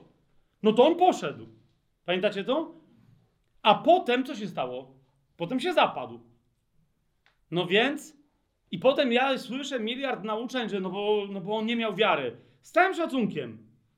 Z całym szacunkiem. Jakby nie miał wiary, zrobiłby kroka i by się utopił. A on szedł po wodzie. Tylko nie doszedł do Pana Jezusa, ale trochę szedł. Jeżeli w ramach braku wiary ktoś umie przejść po wodzie 17 metrów, to rozumiesz, Niezły brak wiary. A z drugiej strony Pan Jezus powiedział, jeżeli byście mieli wiarę tak malutką jak ziarenko gorczycy, powiecie tej górze, żeby się przeniosła i się przeniesie. Więc miał on wiarę, czy nie miał? Otóż widzicie, problem tutaj tego dwoistego umysłu, rozdwojenia serca, rozdwojenia wiary, na czym polega? Nie na tym, że ktoś nie ma wiary, ale na tym, że ma wiarę za krótką. Kapujesz? Jezus tam bardzo ciekawy, bo on mu wypomina i są miejsca różne, które są następnie po polsku tłumaczone tym samym zwrotem. O ludzie małej wiary. A jak zobaczysz po grecku, tam są różne, tam rozumiesz, to, to są różne wyrażenia. Kiedy Jezus mówi do niego o małej wiary, Szymonie Piotrze, mówi do niego określeniem, które oznacza człowieku krótkiej wiary. Miałeś wiarę, genialnie. Może i mal... Ona może być malutka, ona nie musi być duża, rozumiesz? Mia... Wystarczy mieć wiarę, ale ona ci wystarczyła do momentu, jak uszedłeś. A potem co się stało? A potem okazało się, że jesteś rozdwojonego umysłu, że jesteś podwojonego serca. I wtedy co? Miałeś dalej wiarę, ale postanowiłeś iść dalej o własnych siłach. Rozumiesz? To jest to, co się cały czas zdarza chrześcijanom. To jest to, co się stało w, wśród kościołów Galacji. Zaczęliście dobrze w duchu, chcecie kończyć w ciele, to jest dokładnie to. Jesteś uzdrowiony, jesteś zbawiona, usprawiedliwiona w duchu, ale teraz, rozumiesz, najgorsza możliwa rzecz, twoje wskrzeszenie, twoje życie wieczne, wszystko jest załatwione jak? Tylko i wyłącznie z łaski przez wiarę, bez twoich uczynków, bo co ty możesz zrobić, żeby się zbawić, tak? To jest zrobione bez Twoich uczynków, ale potem taka prosta rzecz jak uzdrowienie nagle wymaga Twojego klęczenia przez 16 godzin i wołania do Pana? A ile trzeba było klęczeć na kolanach, żeby zostać zbawionym raz na zawsze, na wieki wieków? Amen. Ile? To był moment Twojego serca, w którym uwierzyłaś, w którym uwierzyłeś Chrystusowi. No amen?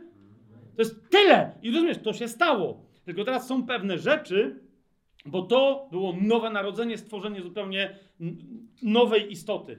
Natomiast widzisz, wiara, list do Hebrajczyków, tak? Wiara, jedenasty rozdział. Wiara jest pod, pierwszy werset. Wiara jest podstawą tego, czego się spodziewamy i dowodem tego, czego jeszcze nie widzimy. Widzisz, sęk w tym, że tu potrzebujemy, i o tym pisze Jakub, potrzebujemy wiary, kiedy chcemy owoców ukończonego dzieła krzyża w swoim życiu. Na czym polega cała nasza przemiana umysłu? Żebyśmy my, wiedząc co mamy, pozwolili Bogu w nas wykształcić taką wiarę, która będzie odpowiednio długo trwała. Nie która będzie wielka, rozumiesz? Ale która będzie odpowiednio długo trwała. Zauważ, Jezus kiedy dziękuje za wskrzeszenie łazarza? Jak widzi, że on wyszedł? Nie! On zaczyna od, mówi, mówi, ojcze, dzięki ci, że mnie wysłuchałeś. Ty mnie zawsze wysłuchujesz. I co wtedy mówiła, zaczął wyjść na zewnątrz. Dopiero wtedy. Nie? Jeżeli ja mam uzdrowienie w Chrystusie Jezusie, staję wobec choroby, która mnie dotyka i mówię, okej, okay, fajnie, fajnie, że coś diabeł próbuje mnie oszukać, ale ja wiem, jaka jest prawda. Nara, idę dalej. Rozumiesz? Mówię mu, ojcze, dzięki ci, że ty mnie wysłuchałeś, że mam od ciebie zdrowie, że jestem cały czas zdrowy i że wszystko jest w porządku, idę dalej. Natomiast, jeżeli by Jezus zauważ, powiedział, ojcze, dziękuję ci, a potem zaczął się zastanawiać, ale ja w sumie nie wiem. Niech on najpierw wyjdzie, to ja wtedy podziękuję. Zauważ, to jest rozdwojenie. To jest rozdwojenie. Jesteś uzdrowiony, tak, ale ja dalej czuję ból. A, czyli przyjmiesz prawdę o tym, że Jezus 2000 lat temu na krzyżu cię uzdrowił w momencie, kiedy przestaniesz czuć ból? A jak on umierał, ciebie jeszcze na świecie nie było. Rozumiesz o co mi chodzi? On też musiał zaczekać, aż ty się urodzisz i sprawdzić, czy jego ofiara jest ważna, czy jest nieważna? Pomyśl, pomyśl jak wygląda Twoja wiara. Czy ona jest, nie czy jest wielka, bo niektórzy trzeba mieć wielką wiarę do, do wskrzeszania umarłych, trochę mniejszą. Najmniejszą trzeba mieć do mówienia na językach. Przestań, rozumiesz, czy wskrzeszenie zmarłego, czy mówienie na językach wymaga dokładnie takiej samej wiary. Może być maluteńka. Kapujesz? Kiedy ja otwieram usta, zaczynam się modlić na językach, to mam dokładnie taką samą wiarę, że nie bełkoczę wtedy tylko, że Duch Święty przejmuje język mój, jak później, kiedy mówię Duchu Święty, ale nikt nie przetłumaczył. Czy mógłbym ja w takim razie przetłumaczyć? I znowu przez wiarę wtedy dokładnie przyjmuję tłumaczenie. Rozumiesz, o co mi idzie? I teraz jaki ty więcej, ktoś z was się modli na językach tutaj, o, o, niech mi się jedna osoba zgłosi. No, Tymek, dobra. Więc też wskrzeszasz umarłych, wiesz o tym. Tu jest cmentarz. Teraz skończymy studium, idziemy na... Z wskrzeszaniem jest trochę inna historia, bo niekoniecznie ci, co umarli, chcą, wiecie, wracać z powrotem na ten padł łez i nędzy i boleści. To jest trochę inna historia. Ale nadal, jakie ty masz wyzwanie w swoim życiu, które byłoby dla wiary trudniejsze niż modlenie się na językach? Które by dla twojej wiary było trudniejsze niż e, modlitwa grzesznika, że tak powiem. Kiedy już jesteś osobą zbawioną i mówisz, Panie, dzięki Ci. Wszystkie moje grzechy, wow, halleluja. Rozumiesz, modlisz się też przez wiarę. Rozumiesz, o co mi chodzi? To jest trudne? Eee. To tak samo łatwe jest, tylko później widzisz, Chodzi o to, że kiedy ty mówisz, Panie, potrzebuję w moim życiu tego i tego, proszę cię. List do Filipian mówi, natychmiast dziękujcie. Natychmiast dziękujcie. Dlaczego? Bo jeżeli masz wiarę, w ramach której wiesz, że masz to, o co poprosiłaś, to po co drugi raz prosisz? Jeżeli masz wiarę, że jesteś wysłuchany, bo twoja modlitwa była zaniesiona zgodnie z wolą Bożą, to po co masz drugi raz prosić? Od tej pory tylko dziękujesz i wiara trzyma cię do momentu otrzymania, kapujesz tego, o, o, co, o co poprosiłaś, czy poprosiłeś.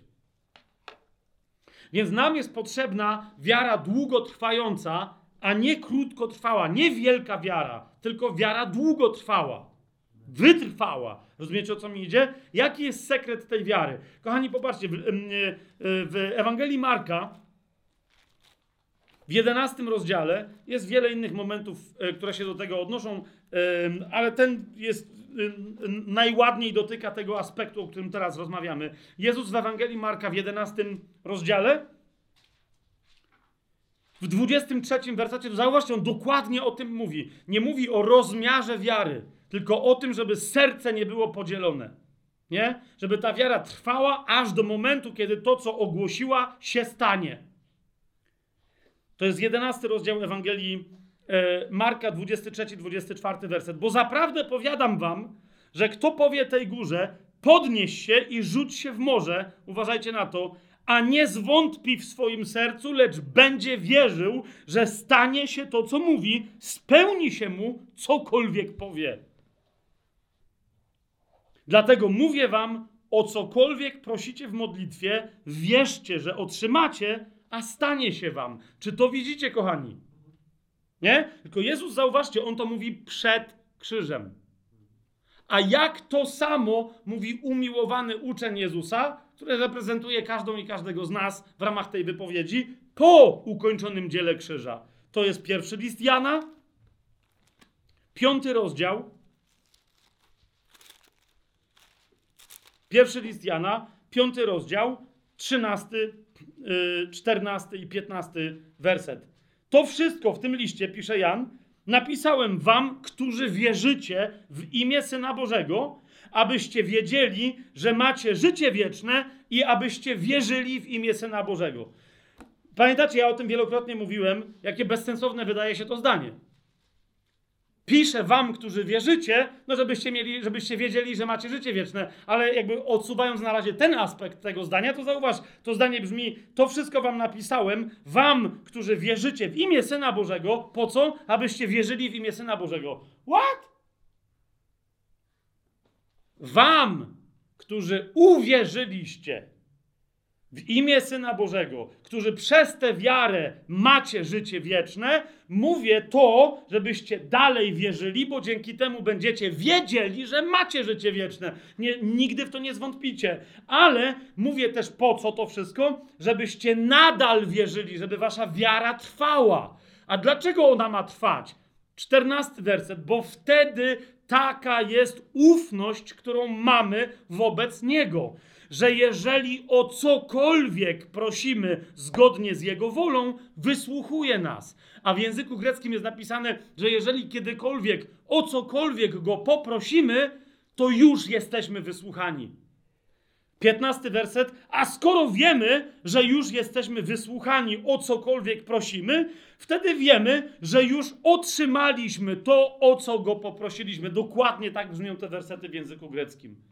Skoro poprosiliśmy, a to jest zgodne z Jego wolą, to wiemy, że już to otrzymaliśmy, ale widzisz, dlatego to wszystko Wam napisałem, którzy wierzycie, żebyście dalej wierzyli. Ponieważ to, o co poprosiliście, jest Wam już dane, ale nie zobaczycie że tak powiem, w tym sensie, bo niektórzy tam mówią, że to jest takie słowo z New Age'u wzięte. Nie, New Age wziął to od nas. Nie zamanifestuje się dana rzecz materialnie, fizycznie, widzialnie w Twoim życiu, jeżeli Ty po drodze do realizacji tego, o co prosiłeś, przestaniesz wierzyć, a zaczniesz polegać na własnych wysiłkach. Czy to jest jasne, co teraz mówię? Okej. Okay. I teraz, kochani, e, jak to wiemy, wróćmy do Ewangelii Marka, do 11 rozdziału, bo chcę Wam zwrócić uwagę na jedną rzecz. Otóż długotrwająca wiara, bo tu znowu słyszę te wszystkie historie, że wiarę trzeba ćwiczyć i trzeba trenować jak mięśnie i tam trzeba te różne historie. To wszystko jest prawda, tylko widzisz, jest jedna bardzo istotna rzecz. Jeżeli ty chcesz wyprodukować swoją wiarę i swoją wiarę ćwiczyć i nią się posługiwać, to daleko nie zajdziesz. Patrzcie, 11 rozdział, 23 werset, Pan Jezus mówi, zaprawdę powiadam wam, że jeżeli ktoś powie tej górze, podnieś się, rzuć w morze, a nie zwątpi w swoim sercu, ale będzie wierzył. Wszystko to zaczyna się od wersetu 22, w którym Jezus powiedział, yy, miejcie wiarę nie w Boga. Sprawdźcie sobie w języku greckim, co on tam mówi. Ja rozumiem, że dla wielu tłumaczy to jest wstrząs mózgu, ale Jezus mówi, miejcie wiarę Boga. Rozumiesz, do, do czego ten cały proces, o którym mówiliśmy przez poprzednie spotkania, do czego on prowadzi? Proces przemiany umysłu, mam to aż zapisane tutaj, jest, pro, jest procesem przyjmowania przekonań samego Boga, przyjmowania punktu widzenia Boga na dane rzeczy. Kapujesz? Bóg, który wie, że jesteś uzdrowiona, e, Jakie ma po drodze wątpliwości, że nie jesteś? Rozumiesz, co mi chodzi? Tu mam dosłownie napisane, że proces przemiany umysłu to jest przyjmowanie przekonań samego Boga przez Jego Syna i w Jego Synu. Rozumiesz? To jest tak, jakby Jezus w niebie siedział po prawicy Ojca i nagle odwrócił się i mówi, tato, czekaj, bo ja nie pamiętam, ja umierałem na krzyżu czy nie, bo załatwiliśmy to? Rozumiesz? Taki Jezus, który sobie zapomniał. Ty, czekaj, a jak umarłem, to ja tam wszystko załatwiłem, czy...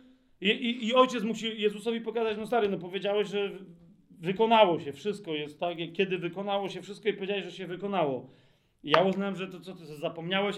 Serio myślisz, że Bóg nie pamięta, co jest wykonane? I, I jak mówi, że wszystko, to potem w ramach, że wszystko okazuje się, że tylko 50%, a resztę tylko tak pic na wodę, fotomontaż? No nie!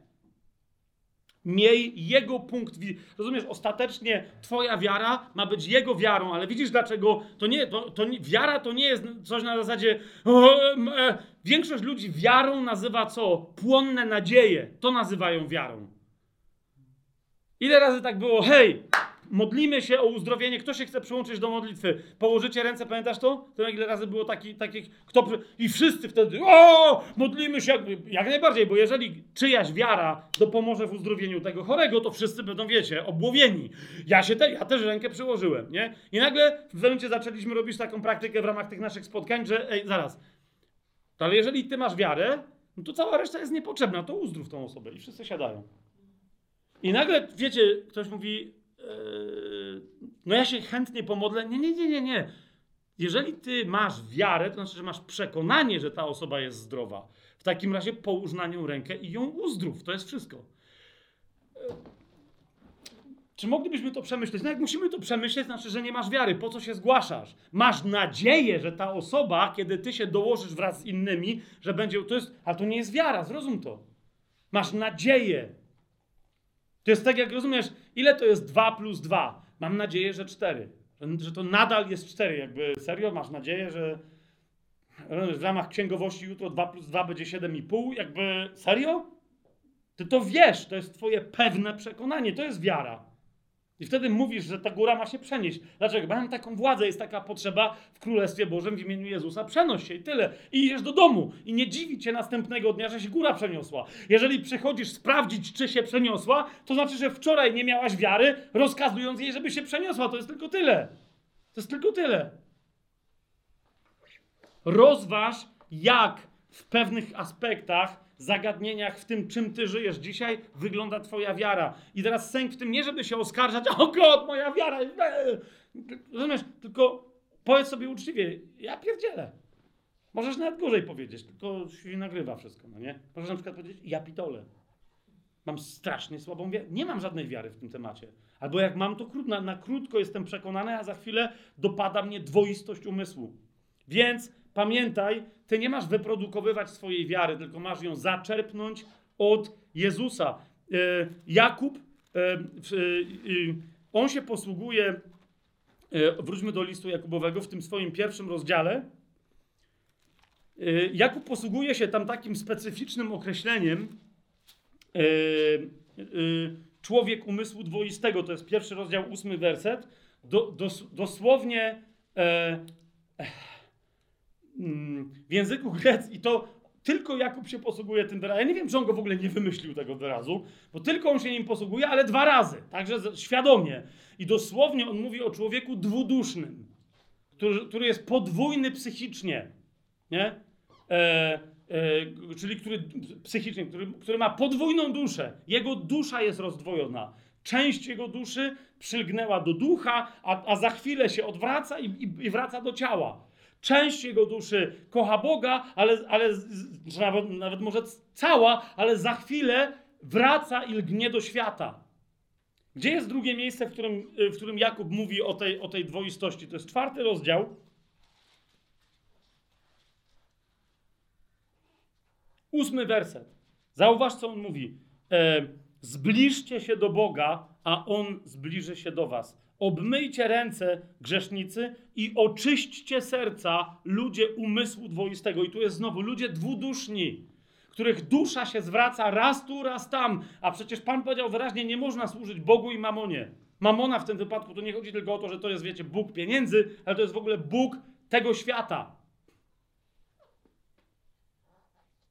Dlatego, co my mamy zrobić? Mamy pójść do Boga, aby On nas napełnił swoją wiarą. Jak się to dokonuje? Zobaczcie list do Hebrajczyków. Jedenasty rozdział. Przepraszam, nie jedenasty, tylko dwunasty. Rzecz jasna, jedenasty cały jest o wierze. I to jest dokładnie to. Paweł mówi, zobaczcie na wiarę tylu świadków, którzy byli przed nami. No i czytasz jedenasty rozdział, mówisz, fajnie, dobre, to, to co ja teraz mówię. Ok, czyli potrzebujemy wiary, która będzie długo trwała, tak jak tych świadków opisanych w 11 rozdziale, o których za chwilę w 12 rozdziale, w pierwszym wersecie Paweł mówi, więc mając taką chmurę świadków, którzy już bieg swojej wiary dokończyli, teraz my bierzmy udział w biegu wiary i w bitwie wiary zwycięskiej. Jak? Patrz, 12 rozdział, pierwszy do trzeciego wersetu. Skoro i my mamy wokół siebie tak wielką chmurę świadków, świadków czego? Życia wiarą, którzy potwierdzili, że to jest możliwe w Starym Przymierzu. Zrzućmy z siebie wszelki ciężar i grzech, który nas tak łatwo osacza. W cierpliwości biegnijmy w wyznaczonym nam biegu. Stop, zatrzymajcie się tu na chwilę. Bo widzisz, tu za chwilę nam się odpala, czyli znowu musimy coś robić. Na czym polega Twój bieg w Jezusie Chrystusie? Na czym on polega? Na tym, żeby przestać robić cokolwiek swojego, a żeby zacząć napełniać się Jego wiarą, Jego obecnością w sobie. Jak mamy biec w wyznaczonym nam wyścigu? Poprzez patrzenie na Jezusa. Patrząc na Jezusa, który jest twórcą i dokończycielem naszej wiary. Rozumiesz, on swoją wiarę w wielu miejscach Biblia mówi: miejcie wiarę Jezusa w sobie, przez wiarę Jezusa, a nie w Jezusa jest. Wiara w Jezusa, owszem, również ma miejsce w Nowym Przymierzu, ale wiara Jezusa jest tym, co w nas działa. On w nas stworzył wiarę w tobie i we mnie, on ją rozwija i on ją dokończy. Jak? Kiedy ja przestaję tworzyć swoją wiarę w Niego, w sobie, a zaczynam brać Jego wiarę w Boga w siebie. Miejcie wiarę Boga w sobie. Od kogo? Ode mnie. Patrząc na mnie, na Jezusa, twor, twórcę i dokończyciela wiary, który z powodu przygotowanej mu radości wycierpiał krzyż, nie zważając na hańbę i zasiadł po prawicy tronu Boga. Zauważcie trzeci werset. Myślcie więc o tym, który zniósł tak wielki sprzeciw wobec siebie ze strony grzeszników, abyście nie zniechęcali się w waszych umysłach i nie ustawali. Rozumiesz? Co powoduje, że masz wiarę długotrwałą? Nie Twoje wysiłki, nie Twoje spięcia, nie Twoja długotrwała modlitwa, żadna Twoja działalność, ale wpatrywanie się w Jezusa i poleganie tylko i wyłącznie na Nim. Przyjdźcie do Boga, mówi, mówi Jakub. A y, jak Piotr to komentuje w swoim pierwszym liście? Bo on mówi dokładnie to samo. E, co Jakub. On mówi, wy uniszcie się pod mocną ręką Boga, a On was wywyższy wtedy, kiedy będzie trzeba. W wierze wiedzcie, że wasz jest ten moment wywyższenia. A Piotr w piątym rozdziale od szóstego wersetu mówi w ten sposób: Uniszcie się więc pod potężną ręką Boga, aby was wywyższył w stosownym czasie.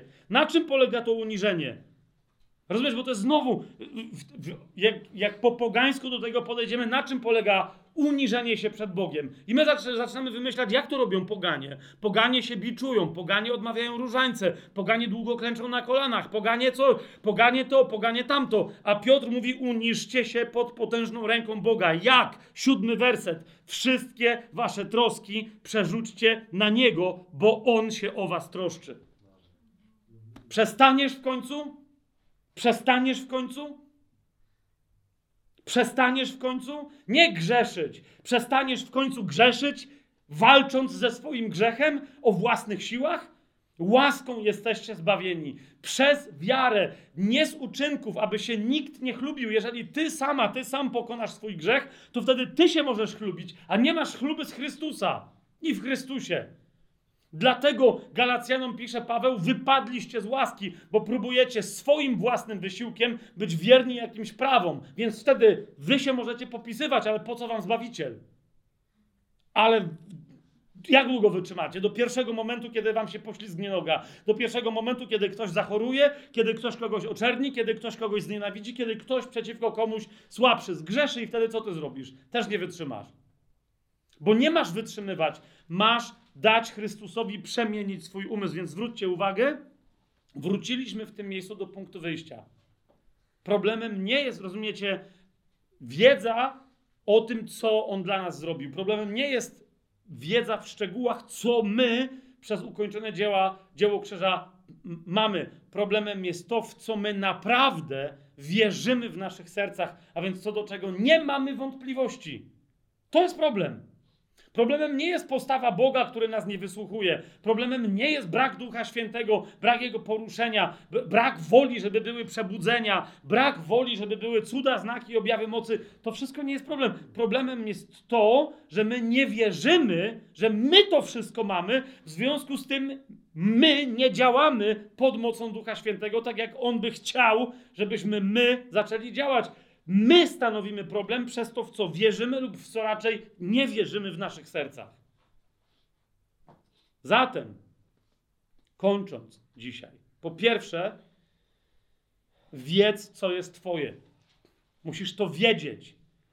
Zauważ, nie, mógłbym powiedzieć, wierz w to, tylko że cały czas my mamy jakieś takie dziwaczne przekonanie na temat wiary, że wiara to jest jakby takie głoszenie, że ja coś mam, ale nie wiem, czy to mam. Nie. Wiedz, co masz. A Bóg ci mówi: wszystko to, co jest moje, jest Twoje. Dwa. Przyjmij to, co masz przez wiarę. Jaką? Niekoniecznie wielką, ale trwałą. A ta wiara jest możliwa tylko i wyłącznie w Bogu. To jest wiara Boga, to jest wiara Jezusa, która działa w tobie. Wiara, którą On w tobie zaszczepia, którą On w tobie kultywuje, rozwija i doprowadza do perfekcji. I w związku z tym trzy na sam koniec dzisiaj, ale rozwiniemy to podczas następnego naszego spotkania. Jeżeli masz taką wiarę, uważaj na to, to przestajesz cokolwiek robić. Po prostu przestajesz cokolwiek robić. Ktoś powie zaraz, e, jest trochę drastyczne, jak to przestajesz cokolwiek robić. List do Hebrajczyków mówi wyraźnie, że będziemy sądzeni za niewiarę i poniesiemy koszta niewiary, tak jak Izrael poniósł koszta niewiary, kiedy, jeżeli wreszcie nie wejdziemy w odpoczynek Boga. Zobaczcie list do Hebrajczyków. Nie będę teraz tego mówię, rozwijał, bo to będzie następnym razem, ale wyraźnie, wyraźnie trzeci rozdział nas ostrzega i czwarty, zwłaszcza, popatrzcie od czego się zaczyna czwarty rozdział. Bójmy się więc, pierwszy werset, czwarty rozdział listu do Hebrajczyków, pierwszy werset. Bójmy się więc, gdy jeszcze trwa obietnica wejścia do jego odpoczynku, aby czasem się nie ok- okazało, że ktoś z was jej nie osiągnął. Czego? Obietnicy wejścia do odpoczynku. Dopóki nie masz pełnego wejścia w Boży odpoczynek, święty Boży szabat, to czuwaj i, i wejdź tam, dokonaj wysiłku, żeby przestać się wreszcie wysilać. Zrób coś, żeby przestać cokolwiek robić.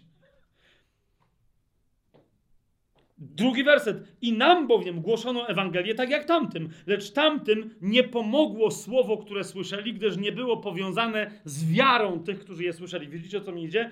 Nasza wiara ma być tak bardzo wiarą Boga w nas działającą, że my przestajemy wykonywać swoje rzeczy. Zauważcie, dziesiąty werset, bo nie będę tego rozważał, mówi: Kto bowiem wszedł do jego odpoczynku, czyli do odpoczynku Boga, ten odpoczął od swoich czynów, tak jak Bóg w domyśle siódmego dnia odpoczął od tamtych swoich. Czy to jest jasne? To nie znaczy, że my mamy przestać cokolwiek robić w życiu, ale mamy przestać wreszcie robić swoje rzeczy wobec Boga. Wiesz o co mi chodzi? Dla Boga, ze względu na Boga, dla świadectwa, dla czegoś. Uspokój się, przez po prostu koniec. Następnym razem będziemy o tym mówili więcej. Czy to znaczy w związku z tym, że rozumiesz, wtedy wreszcie zobaczysz, jak w, w, Twoich rękach zaczną się palić, dosłownie mnożyć owoce dzieła. Po jednym dniu możesz mieć więcej dzieł niż po 20 latach życia chrześcijańskiego. Popatrz na Pawła, który niektórzy mi mówią, Fabian, to nie może. Patrz jak Paweł, jak on się wysilał, trudził, chodził, głosił, zakładał kościoły. Jakby, no wiesz, weź wytnij z Nowego Przymierza pisma Pawła, co ci zostanie. Weź wytnij z Nowego Przymierza pisma Pawła i uczniów Pawła. Co ci zostanie?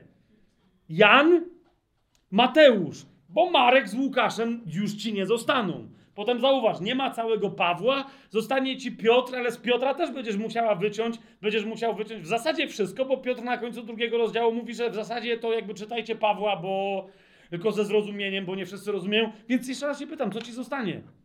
Rozumiesz, dwie Ewangelie, parę jakichś krótkich liścików bez Pawła, więc bardzo płodny to był człowiek. A ten płodny człowiek w liście do Kolosan mówi absolutnie zdumiewającą rzecz, czy już nie tak zdumiewającą. 25 werset i dalej. Paweł mówi: Jego sługą stałem się zgodnie z zarządzeniem Boga. To jest pierwszy, y, pierwszy rozdział listu do Kolosan od 25 wersetu.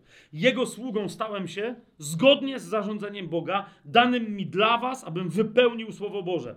Tajemnicę, która była ukryta od wieków i pokoleń, a teraz została objawiona Jego świętym. Przez kogo? Głównie przez Pawła. Patrz, jakie wielkie dzieło, którym Bóg zechciał oznajmić, jakie jest wśród pogan bogactwo chwały tej tajemnicy. Okej, okay, 28 werset. Jego to głosimy, mówi Paweł napominając każdego człowieka i nauczając każdego napotkanego człowieka we wszelkiej mądrości, aby każdego człowieka przedstawić doskonałym w Chrystusie Jezusie. Paweł się nie trudzi, Paweł mówi: Owszem, nad tym się trudzę, walcząc tylko i wyłącznie na podstawie Jego mocy, która potężnie działa we mnie. A dokładnie w języku greckim, tu aż sobie zapisałem słowo po słowie, żeby się nie machnąć, bo nie mam greckiego tekstu teraz przed sobą. Nad tym się też trudzę, ja, bazując wyłącznie na jego wydajności. Tam jest słowo greckie energeia. Rozumiesz? Na jego skuteczności, na jego pracy, która działa we mnie, czy dosłownie na jego pracy, która we mnie pracuje, według całej jego mocy. To jest dokładnie to. Co ja robię? Ja nic nie robię. Ja tylko patrzę na niego, a on patrzy na mnie. Ja się odbijam w nim, on się odbija we mnie. Ale to powoduje taki przepływ pracy Bożej, że ja nic nie robią, nie, nic nie robiąc, jednego dnia robię więcej, niż bym robił przez całe moje życie, będąc niewierzącym. Jego moc, jej wysiłek, jej praca, jego mocy pracuje we mnie, a ja w tej jego pracy odpoczywam. Kiedy masz przemieniony umysł i wiesz, że tak to wszystko działa, cały czas, rozumiesz, cokolwiek się dzieje, nie masz czegoś takiego, o Boże, teraz musimy zrobić spotkanie, teraz jest nabożeństwo, teraz trzeba przygotować kazanie. Teraz za każdym razem, jak masz spinę, żeby coś zrobić w kościele, spinasz się, tremujesz się, rozumiesz, stresujesz się, bo musisz wyjść do kogoś, coś komuś usłużyć i tak dalej. Kiedy cokolwiek dla ciebie jest ciężarem, pamiętaj, to już prawie zawsze jest dowodem na to, że jest niezgodne z wolą Bożą. Rozumiesz? E, Wszystkie moje zastanowienia, czy mamy zacząć, czy mamy skończyć spotkania kościołów domowych, duże spotkania, e, pamiętacie co były co soboty, pamiętasz, nie? E, i, I tak dalej. Mieliśmy zacząć, dlaczego? Bo miałem w sobie i inni mieli ogromne pragnienie. I w pewnym momencie nagle powiedziałem mojej żonie, mówię, wiesz co Madzia, kurde, tak sobie myślę w piątek wieczorem, że jutro mamy spotkanie i jakoś tak, nie wiem, mam walkę duchową, mam coś i, i, i moja mądra żona mi powiedziała, jaką walkę duchową? To, albo to jest Boże spotkanie i wtedy jakby co ty masz, rozumiesz? Pan ci powie, co masz powiedzieć, Pan cię przygotuje, Pan... A jeżeli ty tu próbujesz coś wykrzesać z siebie, to może to nie jest pańskie spotkanie, tylko to jest twoje spotkanie. To po co ty to robisz? A ja wiecie, walka duchowa, nie, szatan, jutro będą pewnie wspaniałe owoce, dlatego zrzuca na mnie jakieś... Rozumiesz, nagle myślę, co? Szatan może przerwać, bo... Weź! I bardzo szybko żeśmy te spotkania wtedy skończyli. Bogu niech będą dzięki. Nie, nie ten wtedy, tylko jeden raz. Ile ty rzeczy robisz w swoim życiu? Zauważ, ile twoich modlitw. Myślisz sobie, muszę się pomodlić. No, o, siu. To nie znaczy, że masz się nie modlić, tylko prawdopodobnie to, co ty nazywasz swoją modlitwą, jest w ogóle niezgodne z wolą Bożą. Rozumiesz? A zatem, kiedy się przemieniamy, jesteśmy nowym stworzeniem, postępujemy w lekkości, w łatwości.